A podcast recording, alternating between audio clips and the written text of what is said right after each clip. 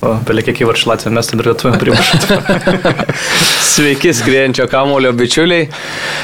Mantas Krasnickas, Karolis Dudėnas, Aurimas Tamulionis. Šiandieną yra ketvirtadienis, berots ar ne? Taip, Ketvirtadienio rytas, kai sveikiname su jumis, susirinkę čia ankstyvojoje studijoje, už pulto Skirmantas ir ką, vyručiai, pradedam ilgokai, nesimatėm pusantros savaitėlės. Kas įdomaus nutiko per šį laiką? Šiaip e, neblogas toks laikas visai, sakyčiau, rinktinių pertrauka, proga truputėlį atsipūs gal to nuo klubinio futbolo, šiek tiek mažiau pavyksta jo tada pasižiūrėti. Toks, žinai, restartas prieš e, finalinę stadiją mm. jau tų lemiamų dvikovų, tai sakyčiau visai gerai, tas toks savaitgalėlis šiek tiek ramesnis. Ką tu gerą?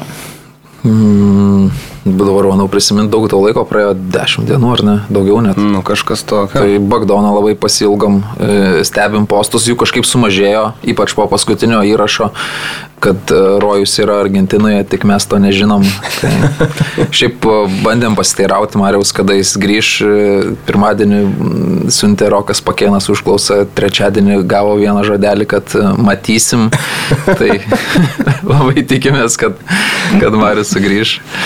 Bet, bet žinai, kai patenki į Rojų turbūt, tai tai sunku iš ten išvykti. Tai jam daug džiaugsmo, o ką mes veikiam, mes, nežinau, aš pats pastaruoju metu kažkaip nemažai to futbolo irgi, vat, gal, gal laisvesnis tas laikas toks yra daugiau laiko nueiti pačiam pažaisti.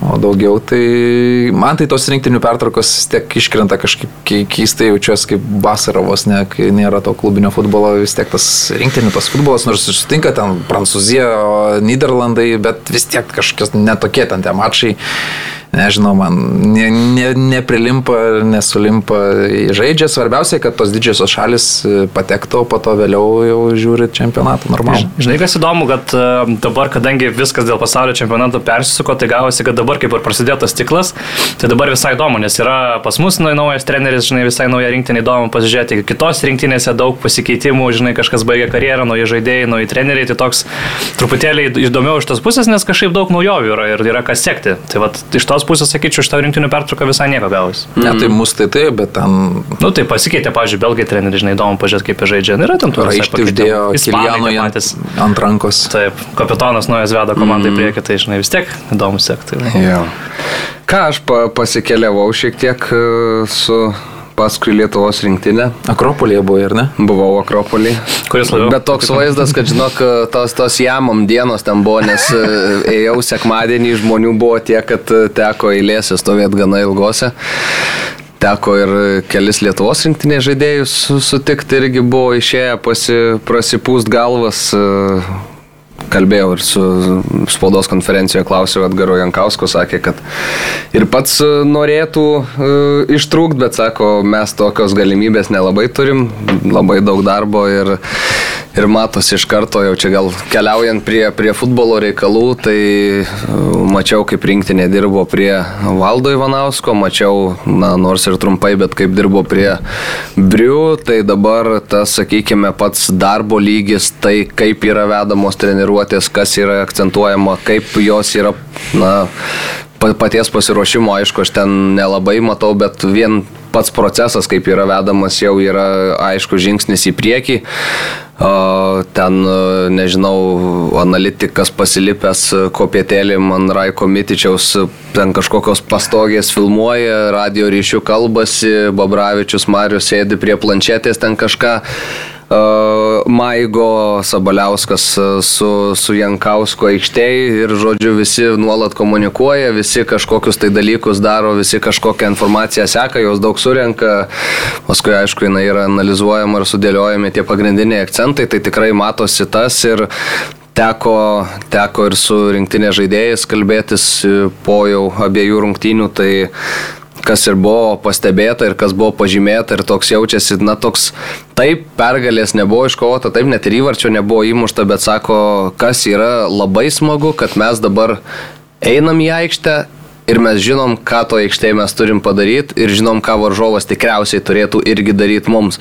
Tai sako, vien šitas dalykas jau yra labai mm. didelis žingsnis į priekį ir man atrodo, kad tose abiejose rungtynėse, ypač rungtynėse su serbais, nors ten pralaimėjimas prieš graikus sužaidėm lygiosiomis, bet matėsi būtent tai, kad mes žinom, ką mes norim daryti, mes didžiąją dalimi žinom tikriausiai ir ką serbai nori padaryti mums, tiesiog, na, tų žaidėjų lygis yra visiškai kitas.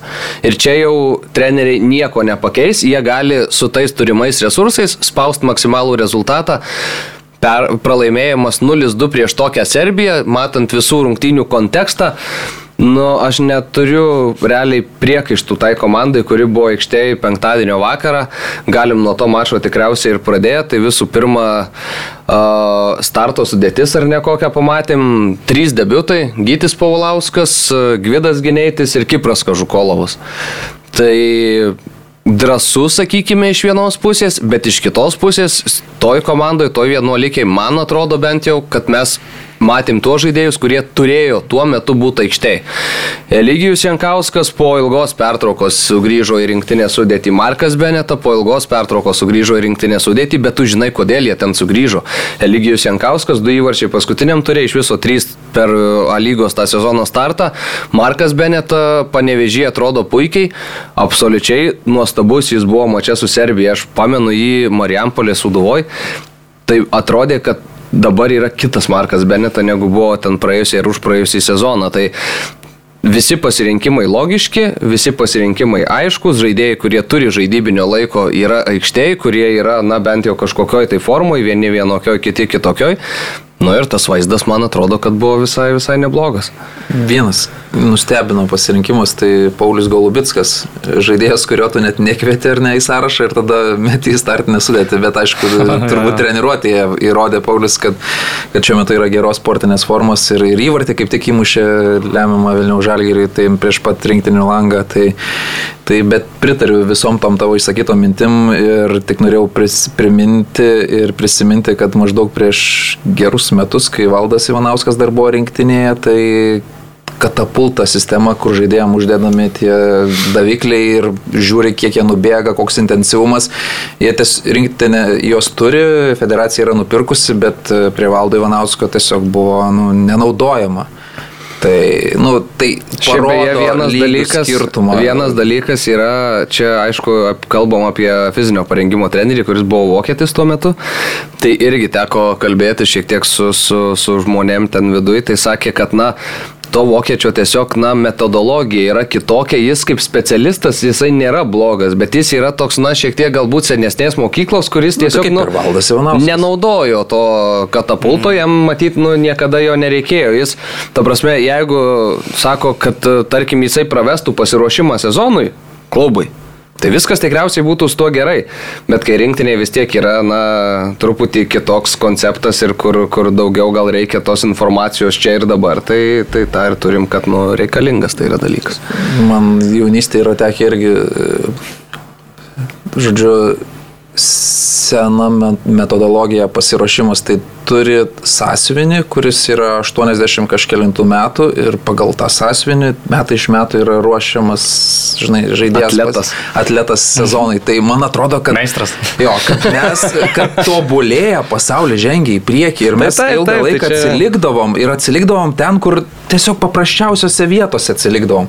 Ir kai tu žaidėjom, vat, kaip ir jie patys dabar sako, aiškiai viską nubraižai, papasakoji, parodai su video, pasakai, tai jam aikštelėje mažiau to improvizavimo, mažiau, kai, jeigu tu nori improvizuoti, tai tu turi būti Vini junioras ar Neimaras aikštelėje, kur tu ten tris gali apvesti, bet jeigu nu, neturime tiek talento ir čia, čia vienetai jo tiek turi, žinai, ten Luka Dončičius, koks gali ten aikštelį kurti stebuklą, bet e, jeigu mes norim būti geras darinys, tai kiekvienas turi žinot, ką jis darys. Ir, ir plus futbolas yra toks žaidimas, kur 11 žaidėjų žaidžia, jeigu vienas kažkur nubėgs, tai kiti turi irgi judėti kartu, nu, tai žymiai paprasčiau žaisti ir mes tą patį kalbėjom apie Edgarą Jankauską ir, ir prieš tai anksčiau, kad bent jau būdavo ta dalis, pasiruošimo dalis, nu, į, nu, net galim visada, galim parašo prikipti, bet jinai būdavo geriausia turbūt rinktinė, kiek yra buvus, tai taip gal tie rezultatai ir nebuvo labai geri, ten raudonai išvietė, ir, ir, bet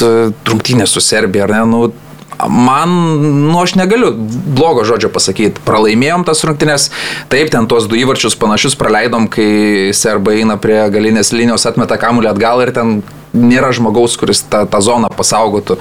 Uh, nu taip, bet klaidą galim padaryti aikšteliai. Tai kažkas pozicijos neužim, neužsėmė, Kipras Kažukovas debituoja rinktiniai, tai ir puikiai gal pasirodė vienas ten epizodas buvo antram kelnyje, kai jisai ten galvą tą kamulį numetinėjo taip nesėkmingai ir, ir serbai 3 prieš 2 išbėgo, bet, bet šiaip tai labai solidžios rungtynės ir augantis žaidėjas ir prie to pačio Briu jis jo nematė rinktinės, ta prasme, kaip rinktinės žaidėjo nematė, nežinau, kur turi žiūrėti mūsų techninis direktorius.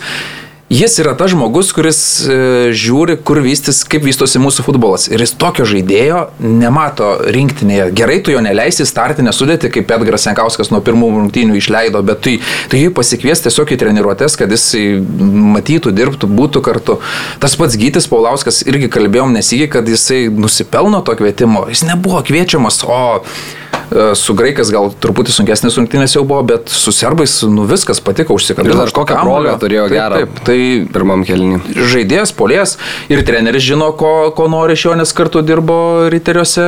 Ir, ir, ir tas polės, jisai žino, ką turi daryti aikštelėje, viskas logiška, viskas veikia. Nu, rungtynės su serbais, jeigu apie jas pirmiausia kalbam, man labai patiko, nors ir pralaimėjom, nors, nu, matėsi, kad gal serbai nežaidė aukščiausių savo šimtų procentų, irgi turbūt nebuvo jungęs, ne, nebuvo jungę aukščiausios pavaros, bet, e, bet mes drąsiai žaidėm, drąsiai žaidėm su kamuliu, buvo situacijų, kur e, Černykas ten ant užpakolio sadino varžovą, kur Tavarsime, Fedoras irgi atrodo, aš nežinau, Kipro čempionato nežiūriu, prisipažinsiu, bet nu, atrodė numetęs kokius trejus metus, e, toks linksmas, laimingas atrodė. Ir...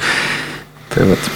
Šiaip tas, kalbant apie lietuvių, jau tas progas priminsim, kad Tadičius ir Vlahovičius mušė po įvartį, kaip Paurimas minėjo, gana panašus įvarčiai, iki galinės nu, linijos nutempiamas kamolys, tada tas cutbackas kaip... Ja, čia nelė... dabar, nu, pa, populiarus žodis tapo. Įvarčių ir mušimas dabar tapęs mm. labai toksai dažnai, tai daug įvarčių krenta būtent. Taip, tai numetamas bent jau pirmo įvarčio atveju kamolys buvo į kairę uh, Kostičiui O prieš tai Justas Lasitskas iš, iš savo zonos šiek tiek kilo pasitikti e, kito varžovo ir tada Kostičius jau atsidarė jam didelis plotas kairiai pusėje, gavo perdavimą, Justas tą žingsnį ar kelis dėjęs į priekį prie Kostičiaus jau nebesuspėjo, perdavimas atgal, Tadičius muša įvartį, kai duodi tokio lygio žaidėją mušti iš 7 metrų priešais vartus nedengiamam, nu, tu supranti, kad 9 kartus iš 10 tikriausiai jisai tą įvartį tau įmuš. Antras įvartis vėl labai panašus perdavimas atgal, aišku, preciziškai tikslus, nes ten trūko centimetrų, sakykime, kad kažkas kamolį pasiektų, Vlahovičius taip atsilošęs, bet aišku, irgi iš gana netolimo atstumo, patogė savo kairę koją mušė ten po, po balkių kamolį padėjo. 2-0, bet lietuviai turėjo savo progas, tas yra svarbiausia prieš serbus, tu jeigu susikuri tris geras progas, Tai iš esmės yra, nu, praktiškai viskas, ką tu gali pasiūlyti tokiuose rungtynėse. Gytis Paulauskas pirmam kelnį iš apsisukimo smūgiavo, ten paskui dar žiūrėjau dar kartą tas rungtynės jau vėliau, tai panašu, kad e, buvo ir kampinis, nes e, lyg ir lietė varžovas kamolį. Tada Eligijus Jankauskas pabėgo iš esmės priešais vartininką. Edgaras Jankauskas man patiko, kaip po rungtynių sakė, na, sako, lygoje tikriausiai būtų lengviau užsibaigęs tokią situaciją, bet sako, aš kaip Sako, aš žinau, ką reiškia išbėgti vienam prieš vieną, prieš tokį, sako, dviejų metrų monstrą ir, ir kaip yra nepaprasta tokia situacija iš tikrųjų. Žydrūnas Grudzinskas dar irgi tokią gerą detalę paminėjo, analizuodamas rungtynės, tai geros jūsų studijos, ten nu, fantastika, iš tikrųjų tokio uh, lygio analizės gauti dar, žinai, ir prieš mm. rungtynės, per rungtynės, po rungtynių, tai uh, čia Lietuvos futbolas turbūt Nu, turėtų to džiaugtis, tik aišku, mačiau, kad daug pasipiktinimo, kad dabar tai. nemokamai nebegali žiūrėti, bet e, žinai, kas šiais laikais yra nemokamo ir jeigu tu gauni tokią gerą kokybę, ar tu nori nemokamai gauti, žinai, prastą. Tai, žinai, čia mačiau tie patys airiai irgi mokamai žiūri, irgi piktinas. Tai, žinai, čia visur tas pats, aš tai manau. Turbūt, taip. Ne, ne. Bet e, detalė apie tą va, situaciją, tai išbėgęs Eligius Jankauskas, jisai mm, kiek, kiek lemia smulkmenos, kodėl vieni žaidėjai įmuša, kiti ne. Tai parodė gal, kur mušai kurį kampą ir tada gal vartininkui gali galėti. Nes atraminė koja buvo arti kamulio. Jo, jo, jo, jo. Ir tie vartininkai aukščiausio lygio, jie skaito tas situacijas. Nes matėm, kad ir taip gana nesudėtingai mm -hmm. nukrito ir, ir pagavo kamulį toj situacijai, kur vienas prieš vartininką išbėga ir jeigu jau vartininkas sugauna kamulį, žinai, ne tai, kad jisai mm -hmm. numuša kažkur, bet, nu, perskaitė tą situaciją, bet aišku, mes, nu, reikia iš tos situacijos gal pasimokyti, dar žingsnį žengti į priekį ir ja. tobulėti. Ir e, trečia proga, Fedoras Černychas, kokiu vienu judesiu, kaip susikūrė, jis tą momentą buvo tiesiog fantastiškai įsimetė kamuolį baudos aikštelę. Smūgis kaip ir neblogas, pažymė, akcentuotas, bet vėl Vanė Milinkovičius Savičius ten e, gelbėjo serbus. Koja liktais atmušė. Jo, koja atmušė tą kamuolį. Nu ir paskutinis tas šancelis, tai Arvidas Novikovas puikiai sužaidė iš pradžių Gvidas Gineitis kamuolį, perėmęs varžovo aikštės pusę ir tada atidavė kamuolį Novikovui, jis taip keliais judesiais bandė ten tos kairės kojos pasi, pasidėtą kamuoliuką, pasidėjo galiausiai, bet e, smūgis nebuvo toks, kad labai būtų jau grėsmingas serbų vartininkui. Tai iš esmės, na, trys geros ir dar ta pusinė, sakykime, tai trys su pusė progos rungtynėse prieš Serbiją nu įmuš 1-2 ir tos rungtynės bus visiškai kitokios, nes tarkim prie rezultato 1-0 ten buvo tavo, tarkim, Eligijaus Jankausko proga. Ten įvartis krenta, serbų prisiminkim situaciją, jie atėjo į šitas rungtynes iš esmės pirmos po pasaulio čempionato. Taip, jie žaidė su JAV rinktinė, ten pamenam, bet ten žaidė tik Serbijoje ir JAV žaidžiantys futbolininkai, net serbų žurnalistai sakė, mes net ne, nežiūrim į tą mačą. Čia yra pirmas mačas po pasaulio čempionato, kuriame serbai liko paskutiniai savo grupiai, kuriame trenerio Stojkovičiaus kėdė, sakykime taip, gal nesukrepždėjo, bet pasėjo abejonės tas čempionatas apie jį, nes irgi su Aleksandru Stojanovičium, tokiu vienu garsiausių serbų sporto žurnalistų teko kalbėtis, jis pats irgi komentavo Serbijos nacionaliniam nu, transliuotojui tas rungtynės, tai sakė, kad e, prasidėjo tokios abejonės, ar gali šitas treneris pakelt serbus į patį aukščiausią lygį, kokiame gali būti šita komanda. Ir dabar ateinam, sako, mes iš tas rungtynės, sako, su visa pagarba jum, bet mums gal visai gerai, kad žaidžiam su Lietuva, nors iš kitos pusės lietuviam tai yra naujas, irgi naujas lapas, naujas treneris ir kuo ilgiau temsis tos rungtynės, tarkim, prie rezultato 0-0, tuo daugiau bus nervingumo. Žinom, kad, pavyzdžiui, ten žiūrovai, nu, nepastum Serbijos žaidžiančios Belgrade, nes labai didelė dalis bilietų buvo išdalinta tiesiog e, sporto mokyklų vaikam.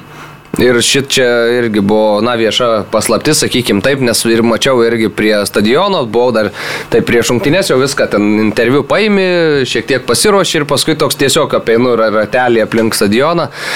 Tai, nu, praktiškai vien jaunimėlis, vien vaikai su tom Serbijos vėliavom, tai Nu, tas palaikymas irgi toks atitinkamas, sakykim taip, ir tą visą sudėjus, serbam tai galėjo būti sunkus vakaras, jiems pa, pa, iš esmės iš dalies pasisekė, kad įvyko tas pirmas įvartis, kažkiek ramybės įnešė jisai, ir paskui, kai įmušė antrą, jau iš esmės tu viską kontroliuoji tą mačią. Tai, tai va, tai toks... Uh, dviprasmiškas reikalas, Serbų federacija irgi tokia išsirinkus ką tik prezidentą, prezidentui virš 70, legendinis futbolininkas, rinktas ten ir geriausių, buvęs rezultatyviausias vieno iš pasaulio čempionatų futbolininkas, tai yra Sirvenas Vesda klubo legenda, bet uh, iš esmės tuo metu, kai vyko pasaulio čempionatas, serbai net federacijoje ir neturėjo savo prezidento, tai žurnalistas tas man irgi sako, nu, gal ir kažkas būtų nuėmę, bet nebuvo kam nuimti trenerio tuo metu. Ten šiaip tokia įdomi situacija su tais rinkimais, nes mm -hmm. konkuravo tai su legendiniu Nemanė Vidičium. Ir aš kaip suprantu, tai Nemanė Vidičius buvo na, daugiau už kaip ir tokio progresyvumą, už tą naują kartą. Nu, tai, gana akivaizdu, taip, taip. O jau tas dabartinis, kurį išrinko toks jau senasis statytinis ir ten, kaip suprantu, daug yra to šešėlio, daug yra tų pačių ultrų ir nusikaltelių grupuočių užnugaris ir ten pakankamai neskaidri ten ta situacija Serbijos federacijoje. Tai, tai... Vidičius nusėmė likus dienai iki, tai, iki rinkimų ir išplatino viešą laišką, kad, nu, sako, aš jaučiau, kad manęs ten niekas, nu, kad manęs nenori ir jaučiau, kad man yra kišami pagaliai į ratus kiekvienam žingsnį. Tai tiesiog paėmė ir pats nusėmė, liko vienas kandidatas pagal geriausias pasaulio futbolo praktikas, kurias matom ir Lietuvoje, ir, ir FIFA, ir UEFA būstinėse. Tai, tai va, liko vienas kandidatas, už jį subalsavo, jis dabar dabar yra prezidentas. Nu ir e, serbam irgi toks ir pats tas žurnalistas sakė, nesakau, nenoriu, sako, sakyti, kad tie rinkimai buvo neska, nelegalūs, tarkim, ar buvo kažkokie, na, nusižengimai vykdomi pačiame procese, bet sako, po tų rinkimų poskonis liko labai prastas visom Serbijos futbole ir nu, daug žmonių palaikė Vidičių. Ir sako, nu, bet viskas taip pat susidėliojo. Galim prisiminti, dėl ko buvo praeitas prezidentas nuimtas. Jisai buvo kaltinamas sąsajom su partizano ultrom, kurios e, labai ryškiom sąsajom, kurios, nu, ten buvo ta grupuotė ten teisiama už žudimą, už plėšimą, ja. už kankinimus ten specialiam kažkokiam įrengtam bunkerį. Po stadionu, man atrodo, jo, po stadionu, kuris taip, buvo taip. įrengtas. Ir kas yra, nu, iš vis kosmosas, planais pasiegesinti į Serbijos prezidentą. Tai Kuris tokios, yra Cervenas Vesda fanas. Tokios yra sąsajos su, su, su Serbijos federacijos prezidentu tuo mečiu. Tai nu, daug, daug, daug pasako apie pačią tą situaciją. Šiaip, kas aišku įdomu, daug kas gal žino, bet yra gal nežinančių, Partizano ir Cervenas Vesdo stadionas yra kokie 10 minučių pėsčiomis vienas nuo kito įsikūrę, labai arti ir, ir atsimenu, kai buvau paskutiniosiuose praėjusio sezono Serbijos čempionato rungtynėse, kaip tik sutapo, buvau tuo metu Eurolygos finalo ketvirtį ir dar Lasitskas žaidė paskutinės rungtynės jau Važdovaco komandai. Tai e, Cervenos Vesdos ir galiai po čempionato čempioniškų rungtynių rengia eiseną visada, kai jūs tikrina titulą, rengia eiseną, kai 2019 beros Kauno Žalgeris buvo Eurolygos finalo ketvirtė, irgi tada kaip tik pataikėm ant čempioniškos eisenos su Donci Urbanu dar tada buvom. Ir tada Belgrado centre mums niekas pavalgyti nedavė, nes sako, Zvezdos ir gali ateis tuo ir sako, jūs gal geriau tepkis lides iš čia, nes, nes bus baisu. Tai dabar nusikeliant į praėjusius metus irgi buvo ta čempioniška eisena, bet įdomu tai, kad Partizanas ir Zvezda žaidė namie, kadangi tą paskutinį turą ir jis vyksta vienu metu. Ir ta Zvezdos eisena vyko, tai man buvo kažkiek keista galbūt saugumo klausimais, nes stadionai vienas šalia kito, Partizanas, nu, piktas, nes Zvezda tapo čempione, Zvezdos ir gali rengia eiseną. Tai irgi su Linu Jocium iš Delfi kolega paskui po, po tų rungtynių ėjom po, po, pakelt po vieną e, bokalą kitą, tai kaip tik, nu, tai pataikėm atsisės būtent toj gatvėje, pro kurią visą tą minėjo, tai, e, nu, toks nesaugumo jausmas labai labai didelis, nes to, ten kiek pirotechnikos yra sudeginama, tai ten, nežinau, Vilniaus fejerija, man atrodo, kampe kažkur, kažkur slepiasi, tai... Nu, bet žodžiu, grįžtant e, prie...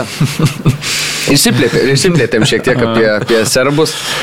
Tai va, po tų rungtynių, kas, e, ai dar, kad, ne, kad nepamirščiau, vienas dalykas apie, apie Raiko Mitičiaus stadioną. Atstumai yra absoliučiai kosmosi, ko, kosmosiniai. Visų, nu, jau yra tas garsusis tunelis, kuriuo komandos eina į nurūbinės į aikštę, ten kelionė užtrunka, nežinau, apie minutę kažkas tokio. Ir Bet žurnalistam situacija dar prastesnė. Aš kadangi esu vienas ir komentatorius, ir tas, kuris ima interviu po rungtinių, tai... Vidas Mačiulis jaunas. Tai... Gerai. A, nusileidai iš, komentator... iš komentatoriaus pozicijos ir tada tam, kad nueitum į tą vietą, kurioje reikia imti interviu, nu Realiai taip lengvų žingsnių einant, tai yra kokios, nu, šešios gal minutės keliavimo, nes tai, ta, ta vieta yra, tarkim, stadionas, tada yra kokie trys barai, Ir tada yra durys į kažkokias patalpas, tada leidėsi žemyn, eini vėl kažkokiu tai tuneliuku ir tada randi tą vietą, sakykim taip, nes ten yra, nu, aš dieną prieš rungtynės tą vietą pamačiau ir ten yra kaip aplei, apleistas angaras iš esmės kažkoks. Ir aš taip nusistebėjau, prancūzas buvo tas UEFA atstovas, sako, bet čia sako ramiai, rytoj biški bus geriau, žinai, atrodys. tai va, tai po rungtynių ten labai buvo nemažai reikalų nubėgti kito, kito reikalo, o Raiko Mitičiaus stadionas pats šiaip yra labai toks įploti ir tarkim, nu, žurnalistų vietos, komentatorių vietos, nu, super toli, jeigu aš sėdžiu, čia yra, nu, maždaug vieni vartai. Tai kitoj pusėje, jeigu veiksmas vyksta ir dar tolimajam kampe, nu, nu neįmanoma tiesiog įžiūrėti, nežinau, žiūronų reikia, kad matytum, kuris žaidėjas yra. Tai aišku, gelbsti, gelbsti kažkiek tas ekranas, kurį priešais nosį turi. O juokingiausias dalykas, tai dieną prieš rungtynės mes, na, nu, aš susitinku su tuo FA atstovu, jisai vis tiek dieną prieš rungtynės man parodo visas tas pozicijas, viską pasako ir panašiai. Nu ir mes einam tuo ilgu keliu nuo komentatoriaus vietos iki kitos vietos, kur reikia imti tuos interviu, jisai ten veda mane ir sako, kaip Lietuva gyvena. O aš taip žinai, sakau, tai gerai, sakau, viskas fainai, neturim kuo skūstis, nu, Viskas, viskas iš esmės gerai. Sakau, nu nebent apie futbolą klausi, tada tai sakau, nu biški situacija gali prastesnė, bet šiaip sakau, ne, sako, aš šiaip apie Lietuvą kaip apie šalį. Nu, sakau, nu viskas gerai, nu, tipo, o ką? Nu, sako, aš prisimenu, kad kai buvau mokykloje, mes dainuodavom tokią dainą, kur buvo žodžiai, kad lietuviai yra labai nelaiminga tauta, kad gyvena labai sunku gyvenimą, kad yra liūdni Ką atsakytumė tokiam žmogui tokią, tokį prisiminimą? Parodyčiau tą straipsnį, kur Lietuvoje top 20 laimingiausių šalių sąrašą pasakė, sakyčiau, va, nu, faktai, kad taip nėra, žinai. Tuo metu, kai Prancūzijoje vyksta streikai, dega gatvės ir visi kiti dalykai, jis klausia, kaip mes Lietuvoje gyvenam. Bet žinok, čia yra tokių stereotipų ir nesąmonių. Pavyzdžiui, yra... pabandyk švedui o... paaiškinti, kas yra švediškas stalas turės irgi nuotikį panašų. Tai, nu, žinai, kažkas e, tam tikroje šalyje susidėlioja. Nes jis galvoja, kad čia yra tiesiog stalas iš Ikėja? Mm, turbūt. Kolega pasakoja, kad draugas pasakoja, kad susitiko ir tai sako, čia švediškas stalas, tai jisai nesuprato. tai va, tai tokį, tokį jis man numetė, tai aš, nu, šiaip prancūzai, nu, yra tokie man, kiek yra tekę gyvenime susitikti su nemažai, yra tokie labai įdomų žmonės, bet vis dar turi kuo nustebinti. Ir, mm. Nu, kiek, kiek savo... Čia diena šiaip tikrai. Aha, man žiauriai būtų įdomu, aš paskui ja, pagalvojau, reikėjo, reikėjo tiesiog paklausti ir susirasti tą dainą, kurioje... Tai Marius Bagdonas grįžęs tikrai turėtų žinoti. Na, nu, šiaip jo. kurioje lietuviai yra nupiešiami kaip nu, labai nelaimingi, labai vargingai gyvenantis ir, ir nu, aš nežinau, jisai gal tikėjosi, kad aš pasakysiu, oi, kaip viskas šūdas, liūdna ir jis tada, nežinau, ten pagodęs būtų, nesakytų, jo, dar nuo tų laikų, kai aš mokykloje buvau, jau jūs tada liūdni buvot, nieks nepasikeitė. Nu, žodžiu, ištaškė šitas mane labai, aš ne, ne, nesakau, aš neturėjau jam ką pasakyti. Tai va, tai Kas dar apie tas rungtynės su Serbija?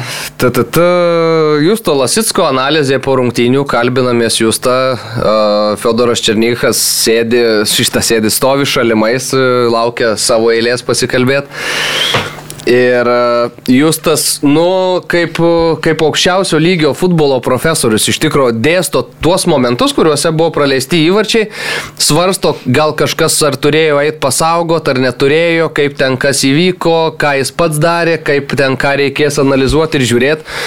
Fedoras toks stovi. Tada jau Justas baigė kalbėti. Sako, nu galim bandyti, bet sako, geriau tai tikrai nebus. jo, nes jūs tas nu kuo pasižymė, tai tuo intelektu ne tik futbolo aikštėje, bet ir, ir, ir šiaip gyvenime ir tikrai labai iškalbus toks e, bičias. Tai, tai, o, tai ta, tas patiko, Fedoras įvertino, aišku, ir debutantus rinktinė, sakė, kad uh, Sako, mano debutas tikrai prastesnis buvo kažkada, tai čia šiek tiek e, pozityvo, o Kipras Kažukolovas, nu, kalbėjo irgi apie tą savo kelią, nuo, žinom, kad Brightono akademijoje buvo ne vienerius metus, buvo patyręs super sunkę traumą ten e, priekiniai ir, ne, šoninis, kryžminis ir meniskas. Tai dviejai raiščiai ir, ir dar meniskas pažeistas, e, gydėsi, tada po kažkiek mėnesių padarė tyrimus, pasakė, kad prastai gyja, Tada vėl ten teko tą, tą procesą ilginti ir panašiai, ir tada grįžo į Lietuvą sutarčiai pasibaigus, pasijungė prie katastrofos, SFL e pažaidė ir tada atėjo į, į Vilnių Žalgerį, į treniruotę pasibandyti. Nu, Vilmo Už, užšoko ant Hugo Videmono. Jo. jo, per Mantą Tamulionį, vartininkų trenerį užšoko ant Hugo Videmono, vos nesusipliekė, čia Būrinas sakė, susipakuok daiktus, keliauk iš čia, nereikia mums tavęs, bet paskui Vilma šiek tiek perkalbėjo trenerį, nusodino ir patį Kiprą. Ir e, paklausiau, kaip tik sakė, liepė Jo, liepė, liepė. istorija. 85 arba 86 turi būti vidurio gynėjo svoris Vilniaus Žalgirį. Kipras tuo metu bandė sakyti, kad čia yra mano svoris.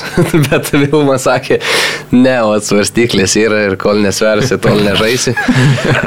tai jo, bet Kipro paklausiau po rungtynių apie būtent apie tą jo charakterį, apie, apie visą šitą priminiau, ką Vilma yra pasakojus. Tai sakė, Jo, sako, gal jeigu ne mano toks charakteris ir panašiai, sako, gal nebūčiau, sako, nužengęs ir iki rinktinės, bet, e, sako, kažkiek, aišku, reikia ir pačiam tvarkyti, sako, sunkus vaikas visada būti negali. Tai tas e, tokia gera frazė buvo, mm. 22 šiaip yra Kiprui Kažukolovui, tai dar tikrai Toks, na, sakykime, dar vienas į vidurio gynėjų grandį Lietuvos rinktiniai, kur mes dabar turim, tarkim, na, Edvinas Girdvainis visiškai jokių priekaištų šiaip jam per šitas dviejas rungtynės irgi puikus žaidimas, Kipras puikiai sužaidė, dabar dar turim omeny, kad yra Šatkus ir Rutkus.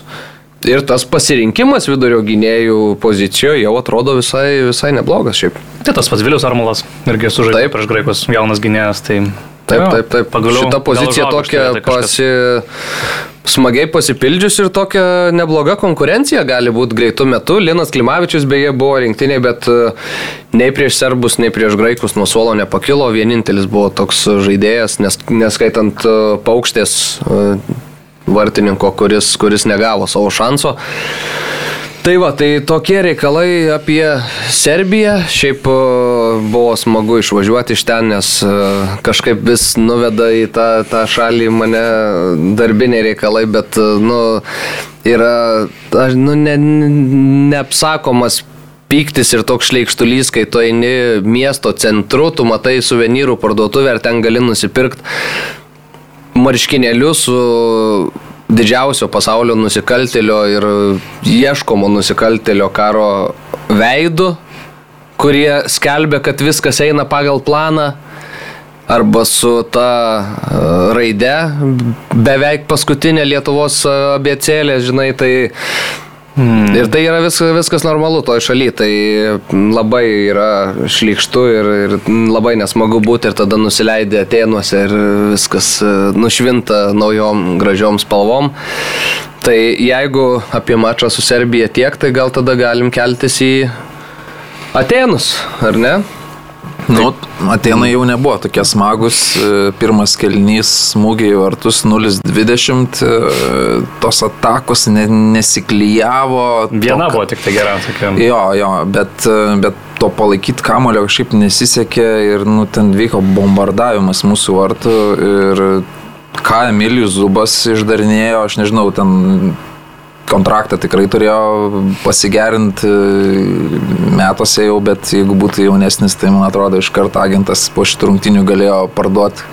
Kažkaip gaila, kad jam nepavyko ten Portugalijoje užsikabinti, bet šitos rungtinės, nu, tai fantastiškas, fantastiškos ir plus tas seivas pirmo kelnio pabaigoje ant vartų linijos žemai nugriūti ir tą kamulį taip meistriškai nukreipti, ne atgal gražinti į mm. tą mišrainę mm. žaidėjų, kur ten gali bet kas tau atgal tą kamuolį siūst, bet už galinės linijos, nu ten, ten reikia sugebėti. Pavlydis ten e, Jo, buvo tas šiaip, nelaimėlis, kuris turėjo iš esmės mušti įvartį, bet Zubas sukūrė visišką stebuklą. Ir aš manau, kad, pažiūrėjau, nu, yra toks dalykas kaip futbolo dievai ar karma, tu sužaidai geras rungtynės Serbijoje, ten nieko negauni, nu, gal ir nebuvom verti, bet šitos rungtynėse mes, pažiūrėjau, nebuvom verti lygių ir patys žaidėjai po rungtynių kalbėjo ir, ir sakė, kad, nu, Man labai patiko to pačio Zubo, man atrodo, mintis, kad žaidimo niekas neprisimins. Mhm. Prisimins rezultatą. Tai, žinai, tu su serbai sužaidai gerai, kur tu rinktinę norėtum pagirti, su graikai sužaidai labai blogai. Iš tikrųjų, nu, prastas rungtynės sužaidėm.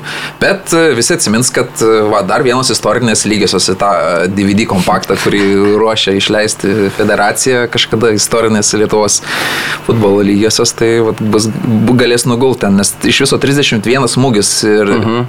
15 iš jų blokuotų.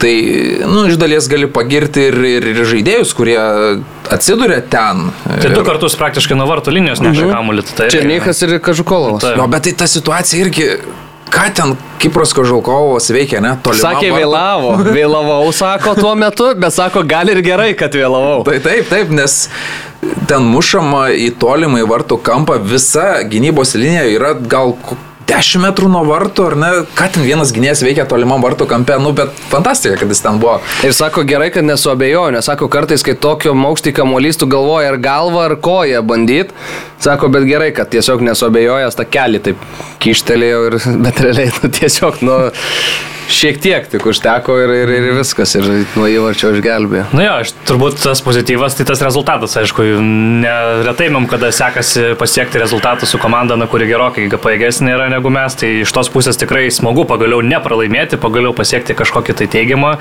bet sutinku, kad žaidimas, na, tikrai toks jau gražinantis mus į tą tokį labiau įprastą rinktinės veidą ir e, tikrai labai ne, ne, nekoks ir, na, graikai ten darė, ką norėjo, bet reikia pripažinti, kad ir graikijos rinktinė tokia daug klausimų kelia kelianti buvo, nieko ten labai ypatingai nepademonstravo, nieko neįmušė, tai antras kelnys, sakyčiau, irgi jau visai neblogas buvo iš mūsų ir tų smūgių, ir, ir keitimai, sakyčiau, savo laikį buvo šiek tiek pakeitę rinktinės veidą ir, ir, ir tas ta kova šiek tiek solidesnė ir patiems jau pavyko kažką sukurti polime.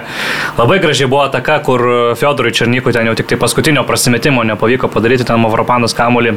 Nu, bet, Ištraukė, bet ten kaip išsuko- Akiplėšiškai jau nusprendė, kad Mavropanusą ten jau baudos aikštelėje. Nu, čia greičiau būtų, keliais metais jaunesnis būtų Černikas, būtų Nu, jau paprausęs, manau, tenais, nes ką iki tol sukūrė, tai labai buvo. Mušk ten į vartus toj situacijai. sudėtinga ten buvo, ten, žinai, jis norėjo patoginti, dešinės pasimės savo į kampą, vaidinti kamuolį, bet... Per daug gal. Bet, e, na, taškas yra taškas. Smagiau būtų, jeigu atvirkščiai būtume su serbais lygom čia pralaimėję, bet, na, kaž, kažkur gal nuves mus, tai tas tokio pozityvo šiek tiek už tą darbą sunku irgi yra gerai. Jo, jo, jo, labai gerai, kad e, rinktinė gauna tą tokį atlygį, žinai, kad sunkiai dirbsi, arsi, nors ir tau nesiseka, ta prasme, neužsikabini, varžovai smūgioja, smūgioja, bet tu gauni tą rezultatą, gauni tą tašką ir to įkvėpimo, noro kitą kartą vėl atiduoti viską, dirbti. Žinom, kad mums tos antros rungtynės visada sunkios būna vis tiek ir plus, vat, irgi Židūnas Grudinskas minėjo, kad, nu, daug, nu, didelė dalis mūsų žaidėjų dabar iš A lygos yra, daug mes žaidžiam ant tos sintetikos, išbėgia tada dviejas rungtynės į ant gyvos žolės, nu, vis tiek kitaip yra, tos kojos klimsta ir net ir ispanam vat, būna reikalų Škotijoje, kur ten iki kelių turbūt įklimsta kojos, tai ir mums, man atrodo, Graikijoje jau, nu, antras mačas matėm, kad buvo toks sunkus ir nepaminėjom dar vieno žaidėjo, tai Gvido Gynėčio dar neaptarėm, tai, nu, man labai patiko buvo jo pasirodymai. Ir, nu, tie jo žingsniai atrodo, kad jisai tiesiog nu, ilgesnė, ilgesnės negu visi kojas turi, jisai daug tos erdvės padengia kokybės duoda aikštės vidury. Ir man tokį va, Davidą Šemberą labai priminė tose savo, pasi, savo pasirodymais. Ir žinant, kad jam tik 18 metų, tai nu, žiauriai, žiauriai mane pozityviai nuteikė. Ir tik tais e, jei- kad viskas sėkmingai klostytus ir jeigu mes turim stuburą vidurio gynėjų pozicijoje, jeigu turi dar virš jų tokį, žinai, vidurio generolą, tai, tai pagrindinės pozicijos, kur tu jau turi tvirtą stuburą, tvirtą žaidimą šonuose, aplipinės, gal ir koks, nežinau, polės kokį įvartį muš, tai čia jau Ne, matysim. štai mušti įvartį irgi jau neblogai būtų. Kažkaip man šitoje vietoje jo, jo. Sunkiai sekasi mums. Jo, ir realiai, nu, priskaičiuojam, skaičiavom prieš serbus progas, čia aišku jų nebuvo, buvo tas gratos irgi do, geras šiaip epizodas, pasirodė po keitimo gratas antram kelnį. Ir taip vienu judesiu iš esmės atsilaisvino nuo varžovo ir kairė koja, ką jisai tikrai žinom, kad puikiai gali daryti, bet e, nepavyko ten ir iš esmės kas dar, ar Novikovo Novikovo toks, iš aštraus tos kampo. iš aštraus Bet- kampo ir to, bet tokia kulka nebloga ten. Bet va, tokios rungtynės yra, tu žaidi, varžovai dominuoja, belia kaip, dominuoja visiškai tave prispaudė, ar ne? Ir tu pabaigoje, va, turi Sirgedas, ar ne? Nu, fantastiškas, turi jisai savyje tą e, lietimą, kur vienu judesiu gali varžovai suklaidinti. E, Ir sm- prasmugiuoti jisai gali, ar ne? Nu, toj situacijoje ten gausi, kad tiesiai į vartininką pataikė iki kampą, 1-0 ir tu laimi tokias rungtynės, ar ne? Nu, Taip gali nutikti futbole. Ne visada laimi daugiau XG prigeneravusi komanda. A, faktas. Tai kartais gali pasiekti, svarbu dirbti, tikėti ir atrodo, kad šitą rinktinę tai, tai daro. Leidžiam, matėm, visokių bandymų buvo ir tiesiog leidžiam dirbti žmonėm, kurie dirba, kurie atsiduoda savo darbui, kurie, kurie žaidėjim duoda labai daug informacijos, kurie ir tos pasirinkimus logiškus daro. Nėra, nebėra tų nesąmonių, kur mes jau nesam ten didžiuliai futbolo ekspertai, bet nu tu aiškiai matai, kad Kaip nu, tai Kažukolovas nus privalo sulaukti kvietimo rinktinę, nesulaukė, sėdi po to galvoj, tai kas čia dabar vyksta. Ne. A, turėjom beje klausimą iš Dainiaus, ar Lasitskas geriau gynėjas ar saugas. Tai man atrodo, kad Lasitskas yra tas toks šiuo laikinis krašto gynėjas, toks kūrybinis, kuris ir gali ir jung, pasijungti į ataką, ar tikslų perdavimą atlikti. Ir, ir toks, man atrodo, kad na, vis tiek treneriai klubuose, treneriai rinktinėse geriau tikriausiai mato, kur jūs tas uh, labiau yra tinkamas, tai čia ne, ne, ne mum kvestionuoti tokius sprendimus, bet aš būtent ką matau iš justo, tai jisai toksai, nu, šio laikinis dešinio krašto gynėjas, kuris ir reikia pasijungia į atakas, kažkiek galbūt kartais ne visada suspėja sugrįžti, tada jau aišku reikia, kad kažkas gal ir pasaugotų jį ir panašiai, bet šiaip tai man atrodo, kad ta jo pozicija jau tokia jau nusistovėjus yra. Mm. Tik kai žaisim dominuojantį futbolą, tai bus e, kaip kančelo pozicija pas Pepa, žinai. Į vidurį, kur eina. Jo, jo. Tai va, ir e, kas dar čia tokio įdomaus? e, Tai irgi po šitų rungtynių tie, tie komentarai, tai ką Aurimas ir, ir, ir jau minėjo, tai kad e, futbolas kartais būna nelogiškas, sakė Justas Lasitskas ir su kuo, man atrodo, irgi reikia, reikia sutikti. Kipras e, sakė, kad teigiamas buvo tik rezultatas ir kova aikštėje, su kuo irgi tikriausiai galima sutikti. Edgaras Jankauskas e, gyrė Emilijų Zubą, sakė, buvo tikra uola ir buvo geriausias rungtynių žaidėjas ir, na, sakė, kad būtent tas, kad e, Galbūt ir nuovargis, e, ir ta rotacija, matėm per pertrauką keturi keitimai kažkiek e, šviežinant sudėtį, nes, na, pirmas kelnys tikrai neturėjo patikti Edgarui Jankauskui, gal jis to taip ir neakcentavo labai uh, po rungtynių kalbėdamas su, su žiniasklaida, bet, bet tikrai neturėjo būti patenkintas tuo, ką matė aikštėje. Antram kelnį kažkiek galbūt tas vaizdas taisėsi. Iš kitos pusės ir graikai išėmė tuos savo ryškiausius žaidėjus kelnio, antram kelniui įsibėgėjus, nors išstatė sudėtį šiaip graikai tai labai tokia atakuojančia.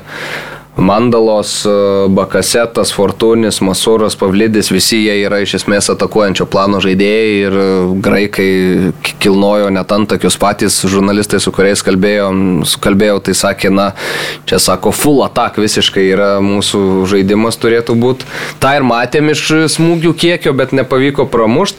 Gustavo Poetas, treneris iš Urugvajaus, iš esmės ką sakė po, po šito mačo, teko skaityti graikų spaudą, tai kad viskas gerai, tiesiog neįmušėm įvarčio ir tenka su juo sutikti, nes tikrai pas graikus atrodė, kad viskas buvo gerai. Kitose tokiose rungtynėse tu įmuši 2-3 įvarčius ir, ir, ir nebus jau tokios sėkmės varžovams tikriausiai ir, ir iškovosi, iškovosi pergalę dar tas graikų super talentas Janis Konstanteliesas iš Paoko berots irgi su graikų žurnalistais prieš rungtynės kalbam, sako, rodo pirštų, sako, šitas tikrai žais, čia sako, mūsų kitas kuratskeli. Ir aš taip, nu, gerai, žinai, biški, gal, gal vyrai e, kažkiek ramiau galim, bet pasimatė iš karto, koks gaipas yra pasirodo aikštėtėm bet kuris kitas futbolininkas, nu, tradiciškai paploja ten kažkas kažkas. Šitas e, jaunuolis į aikštę žengia, ten vos neatsistoja, ploja, žurnalistai ten jau tik kažkur kamuolys arčiau vartų pas, pas šitą jaunuolį, jau jie stojasi iš vietų, ten žiūri, aikčioje, po kiekvieno epizodo plojimai, nu toksai jaučiasi, kad graikai, va, iš esmės visus žetonus ant šito yra sustūmę dabar, kad čia bus kita Graikijos rinktinė žvaigždė, nes dabar žinom, kad ryškiausias yra Kostas Cimikas, rungtynių pradžioje gavo traumą, negalėjo tas rungtynių Cimikas, tai buvo gana anksti pakeistas. Tai va, dar vienas toks įdomus reikalas, tai buvo spaudos konferencijoje prieš rungtynes. Edgaras Jankauskas buvo paklaustas apie savo buvusį bendražygį, Taki Fisa graiką, su kuriuo žaidė Edinburgo Hartsuose, su kuriuo prieš kurį žaidė vėliau išvykęs į Portugaliją. 2006 metais jie kartu laimėjo Škotijos taurę su Harcais, tai buvau paklaustas ir tuo metu jau vertėja buvo kaip ir palikus spaudos konferencijų tą savo vietą, bet išgirdo Graikijos atstovas spaudai, kad klausimas yra apie FISA, greitai vertėja sugražino atgal ir, nu, Jankauskas ten gražiai žodžiais, aišku, pažymėjo, taip tradiciškai nieko ten per daug per daug kažkokių detalių nepapasako, nu, bet tiesiog e, gra, gražų žodžiai buvusiam bendražygiui. Nu, ir ta vertėja ten žymisi, žymisi, jau prieš kalbėdama sako, nu, sako, tarp kitko, tai sako, iš čia už durų stovi, žinai. Nu ir tas e, Fisas išlenda, Jankauskas, o, žinai, draugelis, ateik, ateik, sako, jisai taip, nu, sėdė va čia, čia Lietuvos atstovas spaudai, čia ten dar, man atrodo, ai, čia Slivkas sėdėjo, bet jau tuo metu nebuvo. Ateik, ateik, sako, tai Fisas atėjo, jie taip ant tos pakilos spaudos konferencijų apsikabino, Jankauskas numetė, sako, kad, nu, visai, sako, nepasikeitęs ten tu.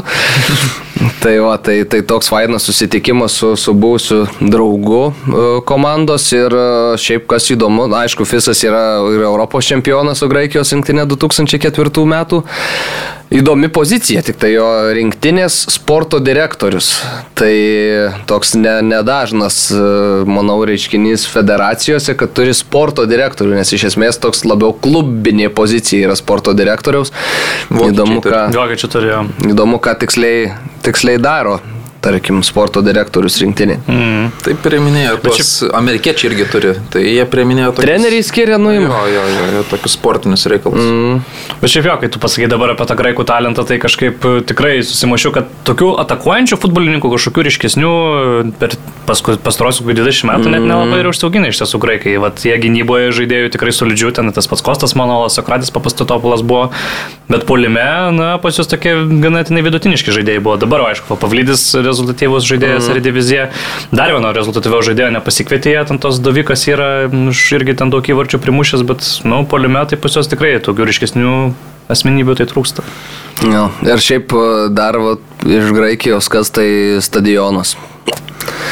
Nu, va, tokį, jeigu nacionalinį mes turėtume Vilniui, tai būtų absoliutus kosmosas. 32,5 tūkstančio vietų, bet jis toks kompaktiškas, jeigu ten, tarkim, Serbijoje, tas aišku, jisai labai jau senas, tas Belgrado Marakana, bet e, šitas yra atidarytas tik rugsėjo mėnesį. Graikijos rinktinė jau dabar yra paskelbta, kad žais visą savo atrankos į Europos čempionatą rungtynės būtent šitam stadione ir čia buvo pirmas mačas, kuriame žaidė Graikijos rinktinė, būtent Agija Sofija a, stadione, tai lietuviai iš esmės sugadino kažkiek šventę graikams, nes na, prisistatymas rinktinės naujam stadione baigėsi lygiosiomis su Lietuva, bet nu, kosmosinis stadionas, įeini, na tarkim, ten vis tiek teko šiek tiek daugiau pamatyti ir užkulisiuose, tai tarkim, na, man kas, pavyzdžiui, aktualu, yra tai ži- žiniasklaidos erdvės ar ne, tai tu turi spaudos konferencijų kambarį su kokiu, na, nežinau, 70 gal vietų, na gal 60. Tada išeini iš spaudos konferencijų kambario, ten yra žiniasklaidos erdvė. Tai vienas toks didžiulis kambarys su, su televizoriumi, ir, ir, bet viskas su eko simbolika, aišku, nes ten yra eko namų stadionas. Ir tada dar kitas toks pat kambarys, kur aš neįsivaizduoju, kiek ten šiaip žiniasklaidos gali dirbti tokiam stadione, na, kosminiai, kosminiai skaičiai. Viskas žiauriai modernu, ateina žaidėjai, na, iš vis tiek iš minus pirmo aukšto, juos tas eskavatorius, kaip ten. Eskalatorius. Jo, pakelia aukštyn, ta prasme, net, net, net eit nereikia. Ir šiaip viskas, nu, super moderniai padaryta, labai labai labai fainas stadionas, tai pavydu, kad tokį turi graikai. Mūsų, mes, aišku, džiaugiamės Dariaus ir Girėno stadionu, nes pagaliau kažkas į tą pusę, mm. bet čia dar yra toks, nu, kitas lygis, kur labai norėtųsi, kad kažkada ir Lietuvoje kažkas panašaus atsirastų. Tai va, tai, tai, tai toks fainas reikalas ir toks milžiniškas erelis prie, prie stadiono yra pastatytas AEK irgi simbolis. Tai Vykintas Livko beje buvo išbandęs jau tą stadioną, tik tai prieš AEK 0-3 pralaimėjo tas rungtynės praėjusiu metu pabaigoje. Jo, bet reikėtų ir subarti graikus, nes, nu, pirmos rinktinės rungtynės, tai ateikit pažiūrėti stadioną, ateikit pažiūrėti rinktinės, labai jau ten taip jau varganai atrodė. Apie susodė- 14 tūkstančių. Susodino žaidėjus, tai yra žiūrovus į tą pusę, kur kameros filmuoja, atvirkščiai negu Marijampoliai daro, nu, kamerą į tą pusę pastato, tai nu, atrodė, kad gal yra tų, bet kai iš šonus parodydavo, tai už Lietuvos rinktinės vartų pirmam kilnį, tai iš vis nei gyvos dvasios nebuvo.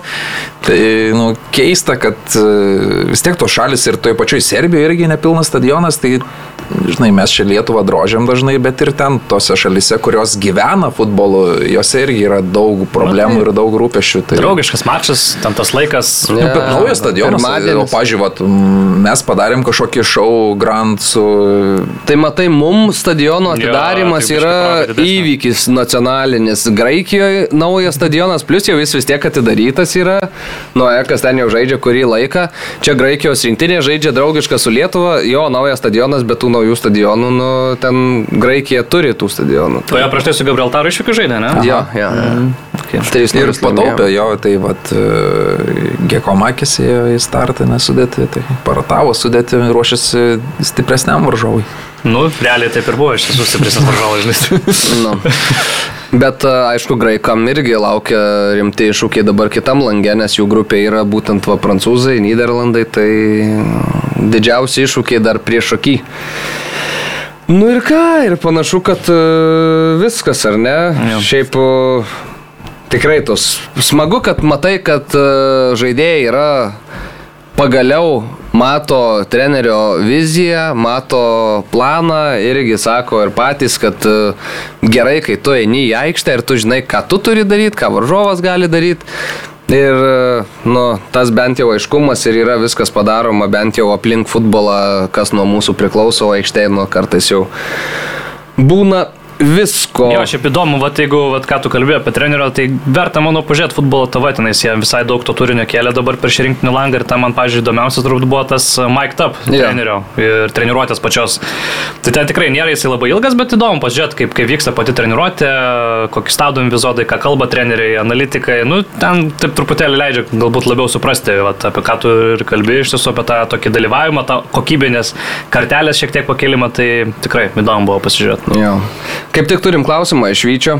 A, Kaip jums naujasis LFF video turinys ir nekuklus jo kiekis per rinktinės langą, matos, kad nemažai atsėjo, ar tai dalis LFF pastangų gerinti įvaizdį. Tai kiek teko pasižiūrėti? Tai tą vieną pažiūrėjau. Ta viena? Tu kažką matai? Ne? Nelabai.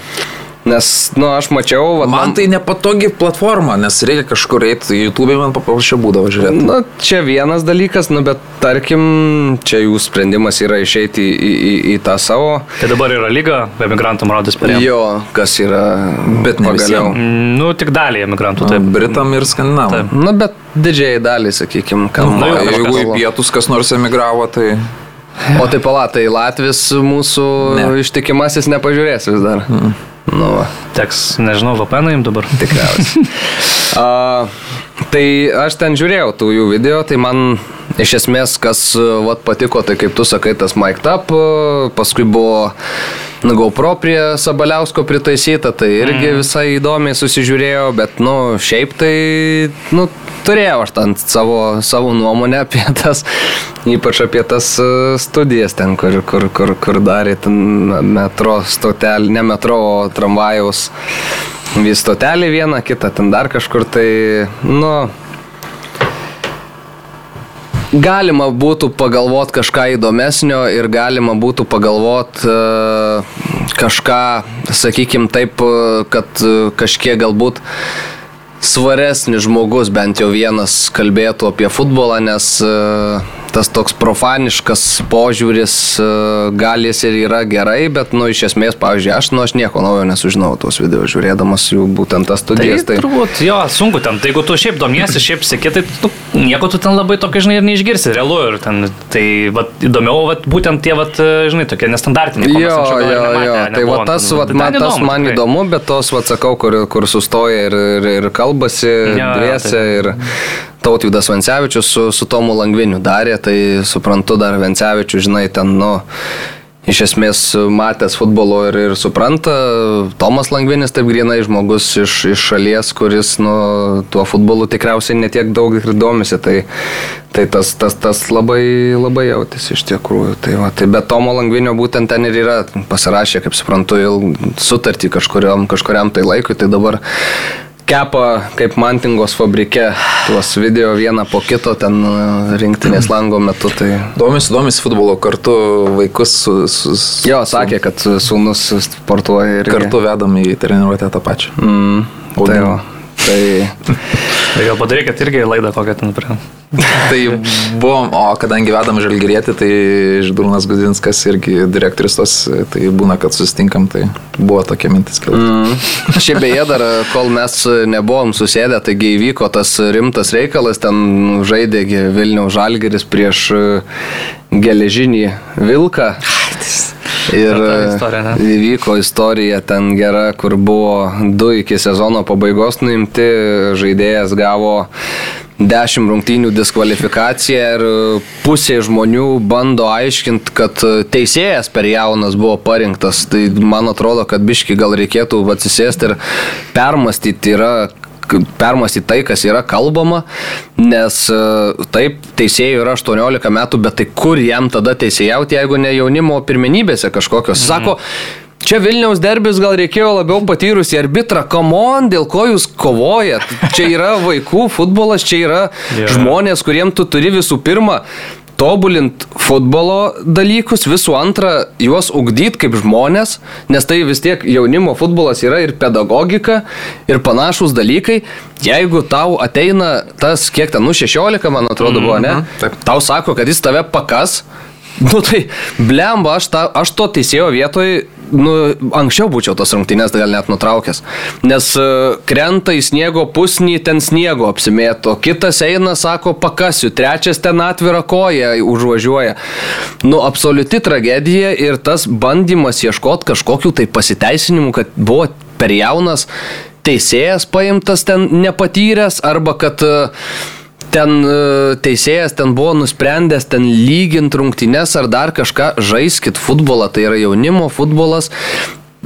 Tas treneris, e, kuris ale nevadovavo rungtynėms, stovėjo už vartų, kuris jau buvo diskvalifikuotas, bet ir negalėjo vadovauti komandai, bet kažkur už vartų trynėsi ir visokie panašus dalykai, nu man tai čia yra nesuvokiama, čia yra jaunimo futbolas, duokit tiem teisėjams dirbti, kiekvienas turi, man atrodo, labiausiai tai pasižiūrėti į save iš tų rungtynių, tada ateina ir jau sako, oi, tai čia dabar tam žaidėjui yra sunku, tai kažkaip ten, kad jis čia dabar labai išgyvena ir panašiai, tas, kuris ten teisėją ėjo kabint.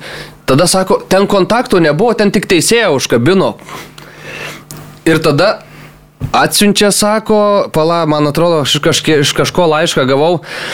Pasižiūrėkit Manchester United su Fulhamu, Mitrovičius iš esmės panašiai padarė, nieks rungtynių nenutraukė. Jie lygina FA taurę su 16 Lietuvos pirmenybėm. Nu, kosmose kažkokiam tie žmonės gyvena. Tie tėvai iš vis nupušę daugumą. Aš nesakau, nekalbu konkrečiai apie kažkurios komandos, bet šiaip kiek pasiklausai iš tų jaunų teisėjų, jaunų trenerių, ką išdarinėja tėvai jaunimo futbole, nu yra košmaras absoliutus. Jų vaikas ateina žaisti futbolą, duok tu ją mėgautis tuo žaidimu. 99 procentai, kad tas jūsų vaikas net nebus futbolininkas. Jis tiesiog ateina praleisti laiko, jis turi komandą, jis turi draugus, jis leidžia laiką, iš esmės viskas, ką jis daro. Nu nebus jis Cristiano Ronaldo, ne vienas iš jų. Tai duokit tiem vaikam ramiai pasižaisti ir duokit teisėjams dirbti ir tobulėti. Mūsų Lietuvos futbolo teisėjai nemaža dalis ir bent jau mes turim tokių, kurie teisėjauja UEFA super tauriai, tarkim. Taip, rezervinis arbitras buvo Donatas Rumšas ar ne, bet jis dabar gauna europinės rungtynės, jis teisėjauja ten, kur, nežaidžia, kur nėra ne vieno Lietuvos rinktinės žaidėjo. Mm. Tai Lietuvos teisėjų lygis yra sakykime, visai neprastas. Koks buvo Gediminas Mažieika savo laiko, ar ne, gerbiamas teisėjas Europai. Tokių futbolininkų mes jau seniai neturim. Tokio lygio, sakykime, kokiu turim teisėjų. Ir dabar turim dar teisėjų trūkumą. Tai kaip tą teisėją, tarkim, tą vat, jauną 18 metį, nublemba aš jo vietoj po tokios nesąmonės, po tokio dabar kilusio rezonanso ir dar kai tave toliau tarkuoja, sakykim taip, ar ne, už tą tavo sprendimą. Numeščiau Vilniop tą teisėjavimą, gali būti, tarkim, na jeigu būčiau aš savo vietoj, tu gauni 20 eurų ar ten 15 už tas rungtynės. Tau apsimoka dabar atlaikyti šitokį šūdo pylimą ant savęs. Nu, aš neįsivaizduoju. Ir dar rizikuot, kad pakas tave kažkas. Nu, čia yra absoliutus kosmosas. Aš, aš nesuvokiu, kur yra, ką, kuo jie masto. Kuria kūno dalim. Negalva tikrai. Visa šita istorija, tai nu, nu, geležinis vilkas ne pirmas iki baustas. Ir jų retorika mane toliau stebina. Jie toliau aiškina, kad e, federacija čia kerštauja, žodžiu, kad kažkas, kad kiti, kažkaip visi kiti blogai kažką daro. Prisiminkim, kokiam jie stadione žaidžia savo rungtynes ir su kuo jie yra siejami šiaip dar. Nu, tai, Plius. tai va, bet e, esmė, kad e, mane stebina, kad jie, žinai, dabar ir tiem žaidėjim, ar ne, kurie auga toje akademijoje, aš pats esu vaikų tėvas, tai šeimoje yra transliuojamos tam tikros vertybės, ar ne, ir jeigu, tarkim, mokykloje transliuojamos kitos. Tai šiuo atveju federacija ištransliavo vertybės, kad taip neturi būti vaikų futbole, ar ne? Nu taip negali būti, skiria baudas. Tai dabar akademija Geležinio Vilko išstojo ir sako, ne, iš tikrųjų taip gali būti, čia federacija mus karštauja. Kaip dabar tam akademijos auklėtiniui elgtis ir galvoti? Tai jie galvoja taip vos ne kaip Rusijoje, kad, žodžiu, čia puola, mus puola federacija. Nu, nei velio nepuola, jūs negalite taip elgtis, negali po rungtynių į aikštę išeiti 50 žmonių, nežinau, kas ten tokie, ten 20-30, bet jie negali būti aikštelėje. Čia vyksta futbolo rungtynės, baigėsi rungtynės, taip nutraukė, nusprendė, aš nekompetitingas nuspręsti ar ten laiku, nelaiku, nesmė, bet negali subėgti į aikštę žmonės, eiti prie teisėjų. Sako, mes norim jam, norėjom paspausti ranką. Jo, jo, visi atėjo mhm. draugiškai ir paspaudė ranką. Nu negali, tu taip tokie dalykai nevyksta. Pagarba jauniesiems, Tai taip, šiaip nu. žalgerio žaidėjim, kurie, nu, aš nežinau, gal ne visi matė tą epizodą, bet iš esmės, kai tą teisėją geležinio vilko žaidėjas petukų kabino, tai žalgerio žaidėjai šiaip stojo ginti teisėjo tuo metu. Nuo varžovų žaidėjų, kas yra, nu, gražu šiaip. Tai taip, tai aš sakau, va, ir dabar tas žaidėjas, kuris auga geležinėm vilkė, kaip jam žinot, kas yra teisinga, kas neteisinga. Nu, tam žaidėjui sunku žinot vertybės. Tada sako, per griežtai jį suspendavo, dabar jisai ten negalės žaisti. Nu, tai gal pasimokys, gal kiti paims pavyzdį, bet nu akivaizdu, kad ten niekas nesimoko. Žai, teisėjai, treneriai, kurie yra bausti, vėl tą patį daro. Bet dabar biškai kitokie sankcijos, kad negalės būti iš esmės net stadione, negalės būti techninėje Nu, zonoje, o nu, rungtynės be žiūrovų. Jo, Lietuvoje stadionai, aišku, tokie, kur už tvoros atsistojęs gali tą patį ten, ten kukuot. Bet, Išreiškia, nu, mačiau palaikymą treneriui Geležinio Vilko Feodoras Šernikas, nes kaip suprantu, ten užaugintas buvo. Tai, nu, Ne, tai aš suprantu, žiūrėk, treneris gali būti karšto būdo, gali rėkti, gali blogai pasielgti, ok. Ką emocijos rungtinių metu, aš ne vieną trenerį pažįstu, kuris labai geras žmogus, šiaip kaip žmogus, pavyzdžiui, nu, nevardinsim, bet e, būna geresnis nei mama gyvenime, bet tik sušvilpia ir kažkas atrodo šalmas ant galvos užkrenta ir, nu, ne, neadekvatu, ten, ta prasme, emocijos liejasi per kraštus, tai man atrodo čia toks panašus atvejis, mm. bet Bet akademija, kuri praėjus dviem, trim dienom, mač, pamačius vaizdo įrašą, gavus baudą, išanalizavus, pabendravus, nu negali išstoti ir pareikšti, kad čia mus puola ir čia kerštas prieš mus. Tu tiesiog priim, kad tu pasielgiai blogai. Atsiprašom, mm. mokomės, žengiam į priekį. nu, sakė, teisybės dėlė reikia pasakyti, sakė, kad buvo surinktas kažkoks susirinkimas, ten kažkas, kažkas buvo, kažkas sprendžiama, bet, e, bet jo, iš esmės tai buvo akcentuojama tai, kad iš esmės e, bausmė yra le, neadekvati. Nu, bet bausmė yra, man atrodo, labai aiškiai parodanti, kur yra brėžiama linija ir kuo daugiau tokių bausmų bus, Tai nėra prieš geležinį vilką, jeigu padarys tą patį bet kuri kita komanda, bus tokia bausmė ir viskas. Ir man atrodo, kad čia yra teisinga, nes tą reikia išgyvendinti. Kiek mes kartų jau girdėjom ir kiek, kiek yra kalbėta apie tai, kad, nu, treneriai, tėvai, o galiausiai nuo tų tėvų dar pereina ir ant vaikų. Ta ne kažkokia agresija, tas e, toks šlikštus elgesys, kurio, nu, iš esmės būti negali. Tai kuo daugiau vat, šitai bus e, kapojami visi, tuo, man atrodo, greičiau kažkokia tai tvarka ateis. Tai va, a, Šiek tiek apie kitas rinktinės ir apie kitų rinktinių mačus. Broliai Latviai gavo 2-3 nuo airių. 2-0 pirmavo Airija, tada 2 įvarčius mušė Latvijai. Vieną gerą labai mušė. Aha, vieną, vieną Uldekis, puikų. jo. Ir... Čia draugiškas mačas, jeigu man atrodo. Tai. Jo. Ir Rokbenė tada mm. uh, išplėšė pergalę airiams. Italai su anglais, uh, 2-1 anglai šventė pergalę, Deklanas Raisas uh, standartinės situacijos metu ten surado kamuolį ir mušė įvartį ir paskui Harry Keinas tapo rezultatyviausių visų laikų Anglijos rinktinės žaidėjų, baudinį realizavo 54 įvartis. Taip, Tai sveikinimai. Harry. pergalė Italijai nuo 61-ųjų. Oho, Neapolėje nevyko rungtynės. Jo, jo, ir reikia pripažinti, kad pirmas kelnys tikrai labai geras buvo iš anglų ir e, stipriai dominavo ir atrodė, kad visiškai skirtingų lygių komandos e, viena prieš kitą žaidžia, nors atrodo prieš porą metų čia finalas buvo Europos čempionato, bet tikrai Italijos rinktinė Taip sudėti pasižiūrėjus, tai taip labai jau vidutiniškai Mhm. atrodė tas naujas polėjas strategija, aišku, įvartymušė, bet nu, matosi, kad kokybės tam tikrose grandyse labai trūksta, bet e, ir pirmas kelinys buvo visiškai anglų ir stipriai dominavo ir e, Džekas Grilišas ten tiesiog e, kosminės progos neįmušė į tuščias vartus iš, iš kelių metrų ir būtų ten jau ir truškinantis rezultatas buvęs, bet antram kelinį tam tikri keitimai buvo atlikti, truputėlį tokia aštresnė sudėti išleido, išleido aštresnius žaidėjus galinčius žaisti vienas prieš vieną kraštuose manšinis ir italai atsigavo, įmušė įvartį. Ir jau buvo veidas visai kitoks komandos, jau buvo gerokai lygesnės rungtynės, bet nuo Anglai atsilaikė ir tikrai svarbią pergalę iškovojo prieš italus. Gerai, ten laiką tempė.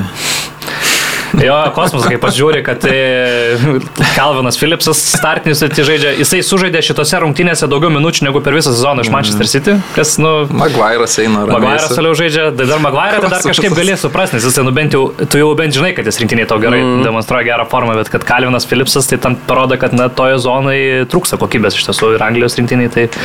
Bet pergalė svarbi, aišku, Keino, Keino, Keino rekordas reikšmingas, svarbus, svarbus ir per kiek mažai rungtynius tai padarėm, atrodo, 81 rungtynės tik tai, kai ten vienas rūnis e, prireikė jam ten gal virš 120. Tai tikrai įspūdingais tempais muša ir panašu, kad gali užkelti kartelę taip aukštai, kad kažkam kitam bus labai sunku pavės.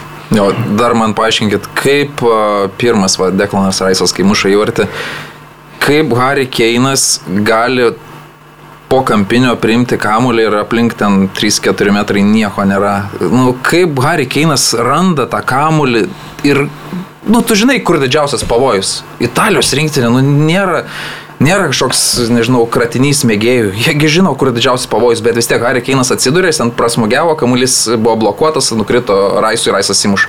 Nu, mane stebina Harry Keino, čia, nu, aukščiausias. Tai Aukščiausias buvo labai panašus puolėjas. įvartis. Kelia link tolimai virpsto. Taip, taip. Ten Keinas dvi kovą laimi, tai pirmą kartą pavyko smūgiuoti, antrą kartą nubaudinys toks, mm -hmm. na, toks labai, Mm, sakyčiau, pigokas silpnokas toks, toks baudinys, nes ten realiai nieko negalėjau padaryti mm. kitaip. Iš esmės italų, italijos rinktinės gynėjas, nu, bet jeigu nebūtų sužaidęs ranka, tikėtina būtų prieėmęs Keinas kamuolį ir vėl būtų pavojinga situacija. Tai kažkiek ir gali suprasti teisėjo sprendimą. Nepasisekė tau, sakykime jo, taip. Ten, jo. labiau. Tai va. Supranti, už ką skiria baudinį, bet tiesiog ne, ne, nepasisekė. Mm. Uh, vengrai su Estai žaidė draugišką mačą, Vengrai žino mūsų kiti varžovai. Uh, kitam lange 1-0 uh, laimėjo Vengrai tas rungtynės. Uh, Prancūzija prieš Niderlandus uh, 4-0. Uh, pirmą mušė Grizmanas, puikiai šiaip pats sužaidė perimdamas kamolį, sužaidė su Mbappé, gavo rezultatyvų perdavimą, mušė įvartį, tada Upamekano nuo vartininko atšokus į kamolį parideno į vartus, uh, tuomet Kilianas Mbappé, bet ten labai daug prisidėjo Kolo Muoni tuo, kad tiesiog mm. nesužaidė į kamolį ta momente ir galiausiai Mbappé dar ketvirtą tokį išlaukęs, paguldęs vieną varžovą, kitą šiek tiek paklaidinęs ir tokią strėlę į tolimą apatinį vartų kampą paleido. 4-0 ir, nu, Niderlandai čia su, su žemėm sulyginti. Nu, reikia aišku pasakyti, kad Niderlandai tam tikrą turėjo problemėlę prieš rungtynės, ten apsinodė nemaža mm. dalis rinktinės futbolininkų, ten gal 6 ar 7 žaidėjai buvo išsiusti, ten, bet arba ten Mateisas Deliktas, tai tokia Nu, kažkiek nukrojavus, kažkiek pavargus e, buvo jų ekipa, nepilno sudėties ir akivaizdu, nu, prancūzai ten e, praktiškai, nu, tokios pačios sudėties, kaip kad e, žaidė pasaulio čempionato finale, ten su tam tikrais pakeitimais gynybos grandyje. Naujas vidurio gynėjų duetas, Papmakano ir Konate, panašu, kad cementuos gynybą, tai Nu, pervažiavo Olandus, tikrai nustebino rezultatas, e, tikėjausi, kad bus klampesnis, sunkesnis rungtynės, bet ten praktiškai per pirmas 10 minučių jau 2-0 buvo ir buvo išspręstas, e, spręstas klausimas ir pademonstravo visgi, kad Nu, kokybės e, gerokai daugiau turi šiai dienai prancūzai. Ten XG po rungtinių buvo identiškas, aišku, nu, Memphis Depayas, reikia pasakyti, mušė baudinį, tai kažkiek tas pakėlė, bet Maikas Minjonas vėlgi pakeitė Ugo Jorisą. Buvo graži tokia ceremonija, pagerbė baigusius karjerą rinktinėje Jorisą, Mandanda. Aha. Tada šitas Varanas, Varanas Matuidį, Benzeman irgi kaip ir baigė, bet jo nebuvo, jis netvyko, tai nes ten tam tikri pykčiai. Jo, bet Maikas Minjonas, naujas vartininkas rinktinės ir, sakyčiau, sužaidė nu, tiesiog dvi tobulas rungtynės, tiek, tiek prieš Holandus baudinį ištraukęs pabaigoje, tiek vėliau prieš Airius ten tikrai spūdingų buvo seivų, tai mm. tai panašu, kad ramu bus ir su nauju vartininku, naujoje tokioje kaip ir, na, eroj. Ja, o Dublinė ten pabaigoje. Jo, wow, ten, ten o ir ten gerai užlipo. Ten ir šiaip gerai atrodė, vargo, reikia pasakyti, jo, tai reikia gerai žaidė. Nu, įmušė vieną tą įvartį iš, iš vargo, bet... Vėl, Benjaminas Pavaras. Mm. Negali paprastų. Lupo nuo virpsto. Tai... Nuo skersinių. Ja. Tai, A, Niderlandų legendos Van Bastinas Gulitas labai išskalbė Van Daiką po šitų rungtynių, bet ten tokia ir biški šiaip išnekėjo, kad, žodžiu, netiki šio žaidėjo ir nebetiki ir kad jau viskas. Tu kažkaip dažnai pošt... patenki į Niderlandų legendų, apžvalgininkų. Nu, jie labai jau skambiai pasisako, tai jau ten Twitteris. Ne pirmas būna, kartas, kai tu čia taip. Bet Twitteris tada užsidega, ten tiesiog jie jau ten kaip, kaip vemia, tai aš bandau. Aš galvoju, gal to Olandų žiniasklaidą dažnai skaitai. Van Bastinas sakė, kad kad e, Vandaikas burba kažką, bet nieko nepasako. Nu, žodžiu, tokie asmeniški žaidimai mm. prasideda, nu, nu, nereikėtų tokių ten žengti, o Gultas sakė, kad jau viskas iš Vandaiko jau nieko nebėra, nieko nebebus. Na, nu, aišku, krito lygis žaidėjo gynėjo, bet, nu, nemanau, jis prieš, nu, prieš metus drąsiai būtume sakę, kad geriausias pasaulio gynėjas, bet, nu, gal truputį sutirštintos spalvos. Ir po to Niderlandai atsigrebė su Gibraltaru 51 smūgį, 52 per 90 minučių sugeneruoti. Tai Naitanas Akė, ten devynis smūgius atliko, man atrodo, kiek ten, tipo, kaip ir Vautas Vehorstas, kurio labai ten jokingai paklausė, sako, jeigu dar būtų rungtynės, būtų tęsiusios dvi dienas, sako, ar būtumėte mušęs įvartį, kaip Vautas, žinai, tipo, jo sako, nu, sako, jo, bandžiau, kaip sekėsi, nu, šį kartą nepasisekė. O pala, kiek Niderlandai prieš Gibraltarą? 3-0. Tik tai 3-0 laimėjo, tai tikrai turint omeny, kad ta komanda, kurią tikrai visi baus, mm. tai tik tai 3 mhm. įvarčius įmušti, na, nėra Graikai, optimalu, tai jo, jo, tai jau ten reiktų tą įvarčius pasigerinti skirtumo, jau, kad kai 4-0 nuo prancūzų pasėmė, mm. tai jau reikia Gibraltarą bent jau dvigubai tiek lupt, bet na, nepavyko niekaip tu, tu, tu įmušti Gibraltarą nulį iš vietą. O Švedija prieš Belgiją, Romelu Lukaku, Hetrikas, pirmas įvartis galvo po pakelto kamulio, paskui du tiesiog, na, iš esmės reikėjo vienam nepatraukti kojos, kitam kištel koją ir Hetriką pasėmė Romelu Lukaku. Jo, švedus. Nauja, nauja yra, su Belgu, mm. su treneriu Dominiko Tedesko, tikrai simpatiškai atrodė, nebežadėjau, atnašu, kad ir nebežais, tai trimis vidurio gynėjais, kas jau buvo toks, na, Martinės Zaeros palikimas, perėjo prie keturių gynėjų, reikia pripažinti, kad tikrai simpatiškai atrodė Belgai tiek šitose rungtynėse, tiek vėliau ir draugiškose. Su, su, su Vokiečiais ten irgi dominavo, ten per pirmas 20 minučių praktiškai 4-0 galėjo būti, mm. aišku, baigėsi rungtynės kuklesnių rezultatų, bet tos dvi rungtynės na, tikrai parodė, kad ne, neverta dar nurašyti šitos, na, kiek jinai jau pasikeitus, nes reikia pasakyti, kad Edenas Hazaras baigė karjerą, mm. Tobi Aldevėlėdas baigė karjerą, nebuvo, nebuvo šito Ekselio Vicelio, tai iš tų tik tai senųjų mohikanų, tik tai Janas Vertongenas vis dar kviečiamas, tai bet komanda pasikeitus, nauji veidai, Nandodė Lukė Pakio iš Hertos visai įdomus žaidėjas. Asistų, asistų pridalino. Jo, pats mm. galėjo ir mušti ten mm. prieš vokiečius vienas prieš vieną išbėgęs, bet uh, tikrai pakankamai simpatiškai atrodė, Kevinas De Bruyne ten toks vėl ašis visko ir, ir Romelu Lukaku rodo, kad dar nevertų jo nurašyti. Romelu Lukaku beje pagal įvarčius rinktinėje, dabar berot 72 ar 73 mm -hmm. jau ir jisai tarp penkių rezultatyviausių visų laikų žaidėjų Europos e, rinktinėse, tai tikrai ganas netinai solidus pasiekimas, ganėtinai solidžioj kompanijai. Juolab, kad metų jam dar tik tai 30 iš esmės bus šiame, tai dar bus proga tų įvarčių primušti ir daugiau. Tai jo, visai, visai pozityvo daug Belgijos stovykla turėtų būti. Ispanija prieš Norvegiją 3-0, čia Danio Olmo ir paskui Hoselų nuo suolo pakilęs uh, Spanjolo žaidėjas, buvęs dublį. Legendinis Staukelonas. Žaidėjas Premier lygai. Bet per minutę du įvarčiai. Yeah. Bet šiaip reikia pasakyti, kad norvegai, jeigu būtų turėję Holandą, tikėtina, kad galbūt jiems šiek tiek geriau sekėsi, nes progų tikrai susikūrė nemažai, bet su Arlotu niekaip nepavyko pasižymėti. Galiausiai, aišku, Ispanai tas rungtynės laimėjo, bet kaip matėm po to kitose rungtynėse, Akivaizdu, kad gal nebuvo tos rinktinės problema Luisas Enrique, mm. nes dabar su nauju strategu Dela Fuente toks skaudokas pralaimėjimas prieš Kotus 2-0. Skoto Maktominiai dublis e, tikrai tokia gera labai atmosfera ir geros rungtynės iš Kotų ir mane truputėlį nustebino, kad na tokia nerimta komanda, sakyčiau, pasirinko e, Dela Fuente, daug porotavo, ten tik tai realiai Rodri ir Merino liko startinį sudėtyje, bet tokia truputėlį gal net ir B komanda išleido, daug debiutų buvo ir parodė, neparodė tokios pakankamos pagarbos, sakyčiau, škotams. Ir škotai tikrai pelnytai tas rungtynės laimėjo, du neblogi įvarčiai, labai panašus, sakyčiau, vienas į kitą, geros rungtynės ir truputėlį chaoso įnešė toje grupėje, dabar mm -hmm. škotai su dviem savo pergalėm apsunkino norvegų padėtį kuriem nepavyko po to ir gruzinų aplenkti, tai grupė ten panašu, kad pakankamai įdomi bus. Ir, na, ispanam tikrai tokia žiūri tą komandą ir matai, kad ten tikrai tos kokybės trūksta, ten, aišku, nebuvo Pedri, jo įsitraumuotas yra, bet uh, tam tikrų irgi veteranų jau nekvietė dėl Fuente, bet, nu, sakyčiau, žiūri tą komandą ir ten tikrai tam tikrose pozicijose kokybės e, trūksta, trūksta pas ispanus. Jo, jo neįtikino ispanai tikrai. Mm. Ir, o kalbant apie škotus, Skotas Maktominai įsimušė tiek pat įvarčių, kiek Cristiano Ronaldo per šį langą. Vyrukas gerai, jis ten pasijungdavo į tas atakas ir užtikrintai keturis įvarčius uždėjo.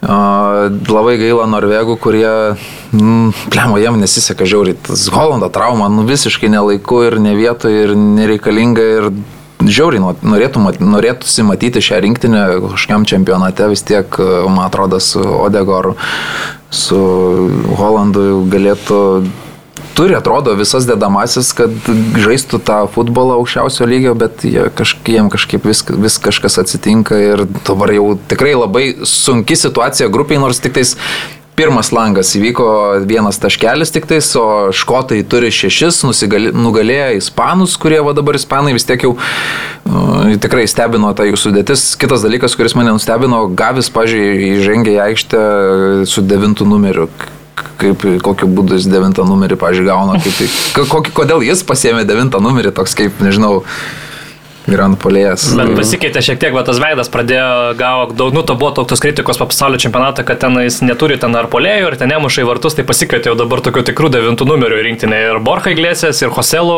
ir Jago Aspasas mhm. žaidė. Mhm. Truputėlį bando keisti tą rinktinės veidą ispanų, bet panašu, kad, na, jiems akivaizdu geriau jau žaisti taip, kaip jie žaidė prie Enrikės, nes, na, ten bent jau atrankas jie jau praeidavo užtikrintai ir tas futbolas buvo dominuojantis. Tai, na, pažiūrėsim čia, ar ne, nebus, kad Nebus, kad e, liūdės ispanai ja. po atrankos. Anglija, Ukraina 2-0, Keinas ir Saka mušė du įvarčius, tai čia labai ramiai tai susitvarkė. Gražu tik tai buvo, kad daug ukrainiečių buvo iš tiesų mm. Wembley ir ten ja. tikrai ir palaikė ir pačius, pačius ukrainiečius, ten ir fanai, kaip suprantu, ten daug kas kalba, kad dažnai, kai atvažiuoja išvykus ir gali, tai ten, nu, gauna jie ten nuo tų anglų, mm. ir, ir dabar sakė, kad buvo daug vieningumo labai. Džeimsas Madisonas labai gerai atrodė tos rungtynėse, tai aš tai norėčiau, kad jisai būtų startinės sudėties žaidėjas, bet, bet matysim. Aš... Nematuojam ten vietą, žinau, kaip visi žaidžia. Nu, bet jisai viską atrakintų toj komandai. Tai bet, aišku, anglai labai negatyvų tą futbolą žaidžia tokį. Nu, tai- kodėl, tai... aš nežinau, pažiūrėjau, tu, pažiūrėjau, prisimink, nu, tai grupiai pasaulio čempionate su tais pačiais prancūzais, tai jie ten net ir geriau žaidė, negu kad prancūzai ir tų progų atrodo turėjo. Čia, bet man atrodo, jeigu pridedi va, dar tą žingsnelį tokį kūrinti. Bet aš galvoju, žinai, kur įdėti, nes jeigu tu, pažiūrėjau, dabar turi, turi Saka, turi kitoje pusėje, jeigu grįžta Rašvardas, nu, dar turi Grylišą irgi tą pačią poziciją, turi Bellingemą, turi Raisą, nu, tai tada tu ir nu, negali. Tokio vietoj tokio Philipso, nu tokio labiau aštunto gynybinio numerio dar ir dar vieną kūrinti saugą įdėti. Tokio balanso gali trūkti šiek tiek. Tai nežinau, nu jis vienas iš tų opcijų nuo suolo gali būti tikrai realių. Tai, bet dabartiniai toj startiniai sudėtiniai sunku kažkaip jam tos vietos atrasti labai. Kazakstanas nugalėjo Danus 3-2, didžiausia sensacija šito viso lango 2-0. Pirmavo Danai, po Hoilando dviejų įvarčių atrodė viskas ramu, išvyko į žaidžią, dviejų įvarčių persvarą turi, bet tada mušė vieną kazahai baudinį. Tada antras įvartis, kas nematėt, pasižiūrėkit, absoliučiai kosmosinis, iš labai toli į patį vartų kampą, tolimą viršutinį, ten įvartis nuo stebuklingas ir tada dar pakeltas kamuolys į baudos aikštelę, įvartis galva ir Kazakstanas išsikraustė iš proto po, po pergalės prieš Danus, žmonės ėjo į gatves švest tokios pergalės, tai nu, labai didelis netikėtumas ir Danai nu, paslydo gana lygioje vietoje, iš esmės turėjo viską susikūręs beveik, o paleido. Ja, tokia rinktinė, kurią mes patys netaip seniai dar apsižaidinėjom, mm. Kazakstaną. Mat, nu, ja. Šiaip e, Rasmusas Holandas vėlgi irgi jo debutas buvo šitame langė už Danijos rinktinę ir nudebitavo tai labai solidžiai, penkis įvarčius įmušė mm. per dvi rungtynės, tai panašu, kad Danai, na, jie neturėjo tokio polėjo ir tai galbūt buvo jų tokia rinktinės problema, -hmm. kurį laiką daug žaidėjų gerų kitose pozicijose, bet dabar panašu, kad turi ir tikrai perspektyvų gerą polėją, strikerį ir na, gal padės šiek tiek į kitą lygį kilsi, tai aišku, tokie rezultatai nestebina kaip prieš Kazakstaną, bet nu, tikėkime. Nu, tikriausiai, kad čia atsigaus. labiau nelaimė. Bet aišku, reikia prisiminti, kad ir pasaulio čempionatas buvo labai nu, slabus, neišėjo iš grupės tokios, sakykime, pakankamai silpnos, tai akivaizdu, kad ten nėra viskas gerai. Mhm. Uh, kaimynai Baltijos, pabaltijo kaimynai Estai krito prieš Austrus rezultatu 1-2. Bet ten, pirmi. Žinok, ten aš tuo pačiu, tuo pačiu metu vyko palo kitos kažkokios rungtynės, aš ten žiūrėjau tos estus, nes jie ilgą laiką nu, galėjo ten išsikrapštyti, mm. jie ten... Nu, pirmavo, pirmavo jo, jo pasapinė nuo įvarčio. 88 minutę tik tai Austrai. Aišku, jie ten ir buvo užspaudę visai, bet ir baudinių neįmušė prieš tai, bet mm. estai vat, prie didesnės sėkmės, kaip mes su graikais, galėjo ištraukti tašką. Jo, visas, visas Baltijos šalis visai padoriai padoriai, jo, sakykime, be, be... Pralaimėjo, bet ir lygiom sužaidė, bet e, nieko gėdingo. Nors Niekas, varžovai tai vis tur pakankamai rimti buvo, reikia pripažinti. Niekas ne, ne, ne, nepaliko šlapios vietos. Iš nieko, iš mūsų visų trijų. Ir Latvijai prieš Velsą 0-1 krito, Kiferis Mūras vienintelį įvartį galvą. Kaip, kaipgi kitaip. Uh, tai va, tai tokios uh, Europos čempionato atrankos arba draugiškos rungtynės prabėgo. Ir dabar trumpai apie tris didžiuosius pokyčius. Svarbiausias, aišku, yra, kad riteriai treneriai patraukė. Pablo Vijaras susipakavo lagaminus, kaip ir kalbėjom, kaip ir prognozavom. Mm, jau teko girdėti, kad naujas treneris pluša su komanda, serbas, kažkoks, tik pavardės net neteko sužinot. Tai va, tai turi riteriai naują strategą, Sėkmės jiems. A, tada Antonijo. Užimti trečią vietą, pasak Mariaus Bagdono, ar ne? nu, sėkmės. Antonijo Konte iš esmės, nu ką, prašėsi, prašėsi šito Antonijo pats kalbėdamas viešai ir, nu, gavo tą atleidimo lapelį, gavo tą kompensaciją, asistentas sezoną užbaigs, bet Antonijo jau, nu... Nu, jautėsi, kad uh, po tų visų kalbų, net jau ir kitų visų kalbų buvo daug mm -hmm. visko kažkaip, kad na, Antonijo Konte tikėtina, kad e, net neprates sutarties šią vasarą besibaigusios su Tottenhamo ekipa ir, na, išsiskirs šių šio stratego ir klubo keliai, kas atrodė pakankamai logiška, nes yeah. pradžia buvo nebloga, bet šitas sezonas toks, sakykime, apkartas ir dėl to pasirodymo čempionų lygoje ir lygoje to tokio stabilumo labai trūksta, kai kurie ir žaidėjai gal prie kontės, sakykime, netrodė taip gerai, kaip jie galėtų atrodyti ir atrodė, kad šiek tiek gal ir klubos, klubo kryptis ir, ir klubo ambicijos išsiskyrė šito vietoje su Antonijo Kontės. Kontės, žinom, na, strategas, kuris nori laimėti ir nori laimėti titulus, Tottenham ekipai panašu, kad, na, užtenka šiam momentui žaisti čempionų lygoje. Tai man atrodo, iš to jau kyla nemažai ir to, tokios trinties e, klube. Tai turbūt logiškas sprendimas e, šitoje vietoje. Aišku, įdomu, kad Stelinį paliko kontė žmogų, tai jo, mm. jo atrodo kaip idėjos iš esmės žaidimo prasme turėtų būti panašios į kontės, tai va įdomu, kiek tas gali keistis, bet Na, sako liktis, kad žaidėjim patiko Stelinis, tai pabaigs sezoną su juo, tikėsis, kad pavyks su juo baigti ketvirtį. Ir, na, kita problema, kurie dabar turi, tai panašu, kad Fabio Paratičiai, klubo sporto direktorius, kad, -hmm. kuris, kaip žinome, jo jį suspendavo ten e, su kitais e, Juventuso šūlais ten po to skandalo tos plus Valenzos. Ir panašu, kad prate, bus išplėstas suspendavimas ne tik Italijoje, bet panašu, kad nebegalės tęsti savo darbo ir to neįjamo ekipoje. Tai dabar dabar dar ir sporto direktorius reikės naujo ieškoti, kai reikia to pačiu dar ir trenerių surasti, tai e, tų rūpešių tikrai netrūksta, bet atrodo, kad rinkoje yra įdomių variantų. Dabar ypatingai, kai atsirado Nagelsmanas, tai man atrodo, kad Nagelsmanas ir Tottenhamas e, šitame etape visai gerai dera vienas prie kito, toks progresyvus treneris pakankamai jaunas, geras futbolas. O Tottenhamas irgi ta ekipa galbūt, kur na, nėra Müncheno Bayernas, kur ten tu turi visą laiką laimėti, daug žvaigždžių, daug sudėtingų charakterių rūbinėje ir na, ne, ne FC Hollywood, žinai, kaip sakoma. Tai, tai man atrodo, kad e, įdomus būtų visai derinukas e, kitam sezonui. Man, man truputėlį kažkiek panašu būtų vat, į početino paskirimą. Kažkiek gaila pirmai. būtų Nagels, mano aišku, nes norėtųsi prie tokios, na, laiminčios ir kovojančios dėl titulų komandos vairo matyti. Bet, buvo, bet tai kodėl? kodėl? Gerai, einam prie Nagels, mano, ne? Čia įdomiausia. Man atrodo, sezono pradžioj sakiau jau, kad, nu, bet jisai nieko nėra laimėjęs. Kodėl jis yra profesorius? Kas? Nagelsmenas. Čia, čia geras. Nu, yra, yra pointas, bet... su Hoffenheimu į čempionų lygą. Viskas, jo visi pasiekimai, o jisai tokio hypo kažkiek turi. Nu, su Leipzigu dar pusnelį žaidė mm. čempionų lygos, kas irgi yra. Taip, taip solidžiai klubas dar ne. Nu, jisai Bet Panašu, kad tiesiog ne per anksti. Četino finale žaidė. Per anksti truputėlį pateko į tokią klubą kaip Müncheno Bayernas. Bet, bet rezultatai, nu iš esmės. Bet viskas laimėta šiame sezone čempionų lygoje. Taip. Absoliučiai visos jo. rungtynės, kurias žaidė laimėjo. Bundeslygoje 25 mačai, 3 pralaimėjimai, jo lygiųjų buvo ir ta atkarp, atkarpėlių tokių buvo, nu, 3. visokių. Lygamidžius suskaičiavo 3 atkarpas prastesnės. Sezono ten pradžiai buvo, no. po to buvo čia po rinktinių, po pasaulio čempionato jo. lygiųjų daug ir dabar sako, kad, nu. nu bet, tai... O kas dabar? Prie pralaimėjimus prieš Leverkuseną? Nu, ir užleista pirmą vietą. Dortmundui. Nu, ateis klasikeris grįžys.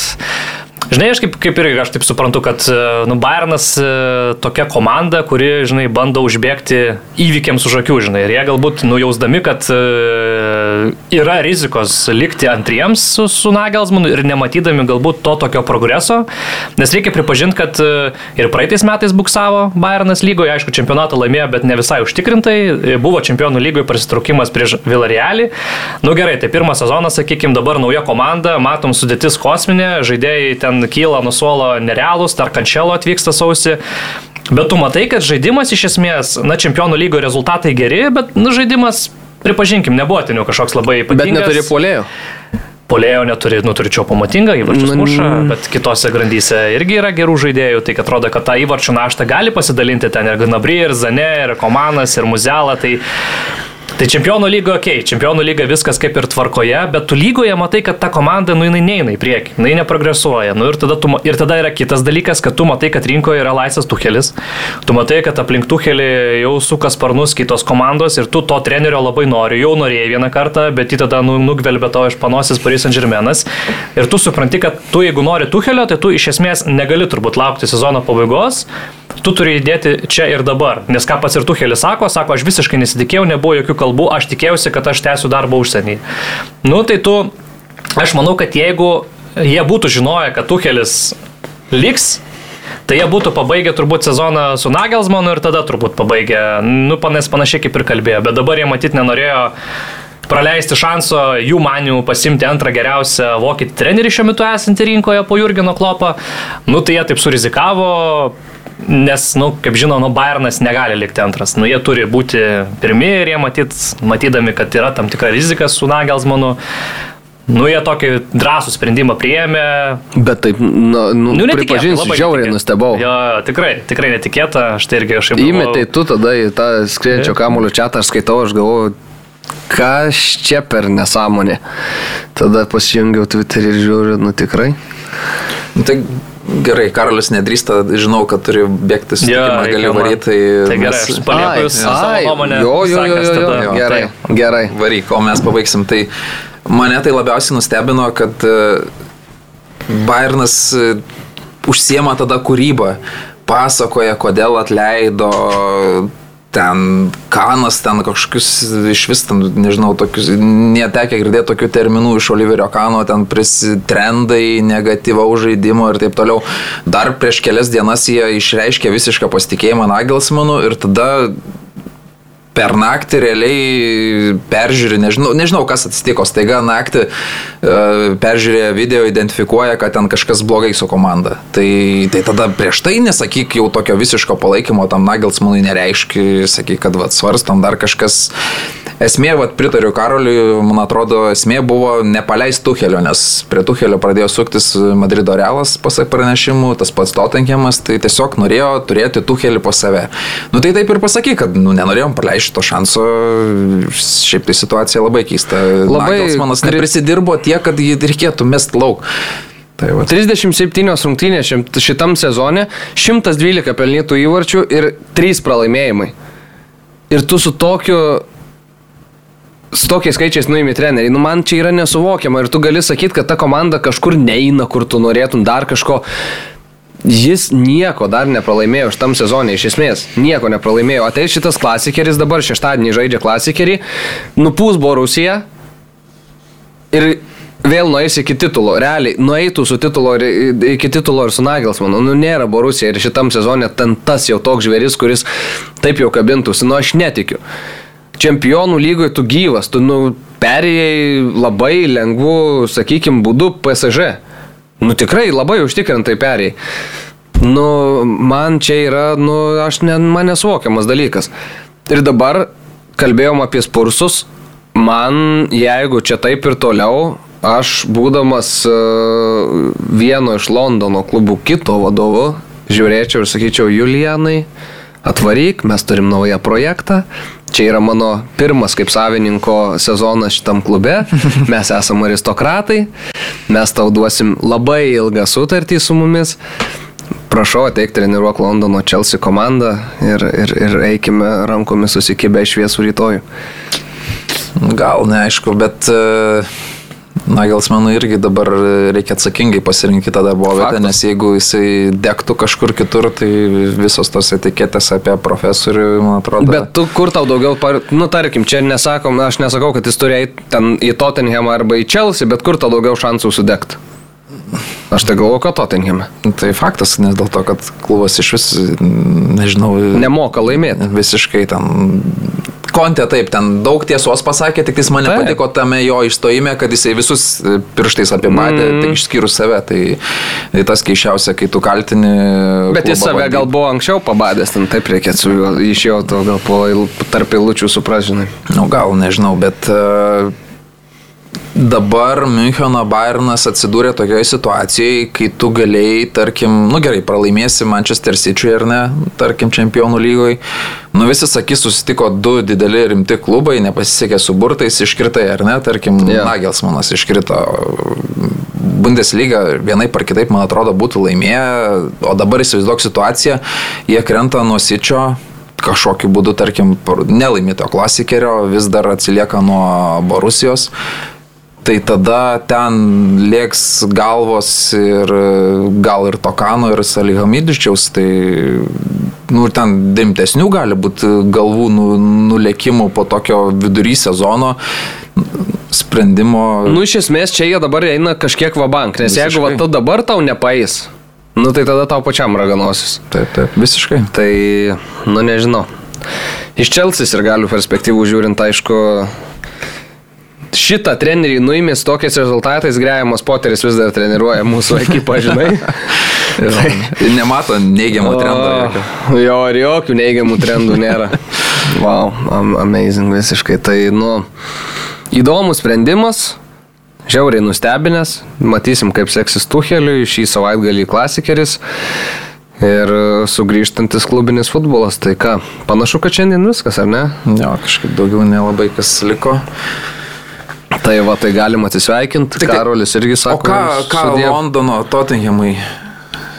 Aš nežinau. Parduot Harry Keiną. Bet matai, žiūrėk, ir visi sako, kad kažką laimėtų.